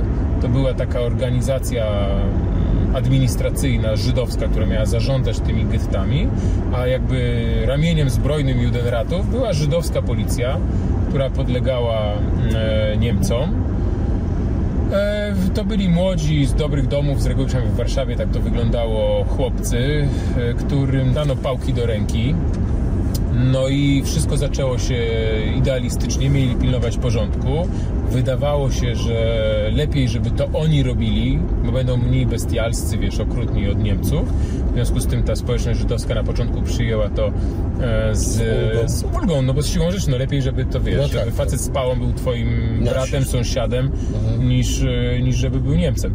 No ale oczywiście w ramach, e, kiedy zaczynało się, wiesz, straszliwy głód w getcie, no zaczęła się straszliwa walka o przeżycie, jedni konali, drudzy nie i jeszcze zaczął się Holokaust, no to zaczął się problem taki, że rzeczywiście Niemcy zaczęli wykorzystywać tych policjantów do akt, do, akt, do działań antyżydowskich związanych, nie wiem, z deportacjami, odstawianiem ludzi e, do pociągów, nie wiem, na Umszak-Plac i tak dalej, i tak dalej, e, obiecując im w zamian, dając im złudne poczucie, że oni zostaną i ich rodziny ocaleni. I znowu zwracamy do mojego ide fix. Zachowywali się różnie ci policjanci. Niektórzy rzucali czapkami, to jest takie określenie, czyli stawiał przed Niemcem, rzucał czapkę i wchodził do pociągu, jechał do Auschwitz razem ze swoją rodziną, no ale inni wykazywali się straszliwym sadyzmem, e, żeby ratować, jak wierzyli z siebie i swoją rodzinę. Z reguły to się nie udawało, bo oni, na, oni byli tymi ostatnimi, których, wiesz, wywożono. Niestety, to odsyłam do książki Poza tym, w takim czymś, przepraszam, że przerwę, to też, e, e, jak ty powiedziałeś o tym wychodzeniu najgorszym, przecież to jest miejsce, gdzie właśnie jak ktoś był ukrytym sadystą, to nagle sobie może nim być. Oczywiście, że tak, chociaż chcę Ci powiedzieć, że to bardzo często yy, trochę wracam do tej mrocznej strony natury ludzkiej, nie? To znaczy, jeżeli dali tym chłopakom władzę, pały do ręki i mało tego, pamiętaj, że ci policjanci z reguły robili też yy, na lewo rozmaite interesy. Wystarczyło przymknąć oko, szedł olbrzymi przecież nielegalny handel między stroną aryjską a gettem. W związku z tym oni sobie pieniądze zarabiali, chodzili do tych wszystkich knajp, pili, mieli najlepsze kobiety w getcie, e, mieli władzę. To wszystko demoralizowało głęboko tych ludzi. Natomiast jest taka książka Perechodnika, Celela Perechodnika. Pierwsze wydanie nazywało się Czy ja jestem mordercą? Właśnie o dylematach moralnych policjanta z getta e, Otwockiego. Między innymi tam jest opowieść, jak on de facto tam asystuje swojej żonie, która jedzie do gazu z dzieckiem. No bo słuchaj, w ogóle... pierdolę, co Słuchaj, to kurwa jest? ale to jeszcze nic. To jeszcze nic, bo jeszcze pamiętaj o tym, że sprawa, że jeszcze jest jeszcze bardziej dramatyczna historia. Ja się pożygam, no. Słuchaj, ale wiesz, spójrz też na, ty, na jakby instynkt samo, jakby przetrwania jednostki ludzkiej potrafi wycisnąć taką, tak straszliwe instynkty z człowieka, że ci ludzie robili takie rzeczy. Wiemy, Ale- mi się wydaje, że to jak ludzie e, o, o bossach e, niektórzy nie chcą rozmawiać, to jest to, że nie chcą nigdy powiedzieć o tym, jak kurwa oni się bali, że potrafili kurna na szali postawić kogoś najbliższego między sobą i że ktoś ich do takiego gówna mógł doprowadzić, kurwa. Słuchaj, no to samo było w, w sowieckich obozach, gdzie obowiązywała e, zasada, jest nas dwóch, jeden z nas umrze dzisiaj, drugi umrze jutro, ja chcę być tym, który umrze jutro. To, to nie, nie muszę Ci nic więcej mówić, co ludzie robili. Natomiast jest jeszcze bardziej dramatyczna opowieść niż e, tych nieszczęsnych policjantów żydowskich, którzy bardzo często właśnie, wiesz, wariowali dosłownie, kiedy dawano im złudną nadzieję uratowania własnych dzieci, pod warunkiem, że wsadzicie tamtych do, e, do gazu, no to są przykłady tak zwanego Sonderkommando Auschwitz. Czyli to byli z kolei, o tym piszę też e, w swoich książkach, to byli z kolei wybrani więźniowie e, w Auschwitz, żydowscy, którzy byli używani do e, palenia ciał e, wyciąganych z komór gazowych. Ci ludzie bardzo często też byli tymi, którzy asystowali przybywającym Żydom i tłumaczyli im, o idziecie do łaźni, a w rzeczywistości strzygli ich. To byli tak zwani więźniowie funkcyjni, a w rzeczywistości były to komory gazowe. E, No i znowu, niektórzy w bardzo łatwy sposób mówią, ach, to byli zbrodniarze jeszcze gorsi niż Niemcy, natomiast ci ludzie też byli postawieni przed diabelskimi, e, diabelskimi Dylematami. dylematami, bo po prostu chcieli przedłużyć sobie to życie chociaż o jeden dzień. Słuchaj, to byli bardzo często młodzi ludzie. E, oczywiście, tak jak mówię, to byli ci ostatni, którzy też szli do tego gazu. W związku z tym ta obietnice, które Niemcy składali im, były złudne, ale uzyskiwali w ten sposób narzędzie do, e, do do realizacji swojej zbrodniczej polityki i nie musieli sami sobie babrać rąk w cudzysłowie w tym. E, Także opisuje, jakby moje książki, wiesz, właśnie są dalekie od polityki historycznej. Opisuje ciemne strony zarówno właśnie takie jak e, tej żydowskiej historii, czyli i Sonderkommando, i żydowskich policjantów, i słynnego króla getta łódzkiego, Haima Rumkowskiego, który kolaborował z Niemcami w ten sposób, że wydał dzieci żydowskie na kaźń, ponieważ były nieprodukcyjne, wiesz, nie, nie, nie, nie, nie mogły tam pomagać w fabrykach, w związku z tym, żeby ratować dorosłych, no takie klimaty, ale z drugiej strony też opisuje podłości granatowych policjantów, pokazuje też różne patologiczne zachowania Polaków wobec Żydów i w ten sposób są pisane moje książki, to znaczy wszyscy dostają równo, w tym sensie oczywiście, jeżeli to jest prawda, tak? To znaczy pokazuje prawdziwy przebieg wydarzeń z całą komplikacją ludzkich losów i sprawiedliwych i szmalcowników i ofiary żydowskie i policjantów żydowskich i dlatego te książki są zupełnie inne, bo wiesz jak się w Polsce pisze, albo na takie kopyto, albo na takie kopyto. I żeby się dowiedzieć naprawdę czegoś o okupacji, to musisz kupić dwie książki. E, a w, w przypadku moich książek to próbuję pokazać wszystkie A strony. w i przypadku Twoich postawy. książek też trzeba kupić dwie. No tak. Jeszcze raz pokażę. Słuchaj, Żydzi 1, Żydzi 2. Trzecia część nigdy nie powstanie. Od razu e, to mówię. E, skończyłem żartem, żeby po prostu zelżyć to, bo kurde e, temat e, no, był hardkorowy, to są straszne No rzeczy. właśnie. Ale wiesz co, żałuję, bo powinniśmy, tak sobie teraz myślę, zrobić tak, żebyśmy o Izraelu i Palestynie zrobili jedną rozmowę, a o stosunkach polsko-żydowskich i o, o Holokauście drugą. Bo Słuchaj. żeśmy pomieszali dwa, e, dwa Zrobiłeś żywioły. z swoim kolegą Jackiem tyle e, rozmów, e, to może ze swoim kolegą Winim, jak zrobisz połowę mniej, to i tak będzie jeszcze, e, podejrzewam, że parę. E, więc e, myślę, że to nie jest nasza ostatnia rozmowa. E, mam nadzieję, że i publiczna, jak i jeszcze czeka nas wiele e, prywatnych. E, to był mój specjalny gość. Piotr Zychowicz, dziękuję Ci bardzo. Bardzo lubię takie rozmowy merytoryczne o e, prawdziwych rzeczach. E, a to był Wasz prowadzący Winim. Dzięki, dzięki za zaproszenie i kciuk dla wszystkich oglądających. Dziękuję bardzo.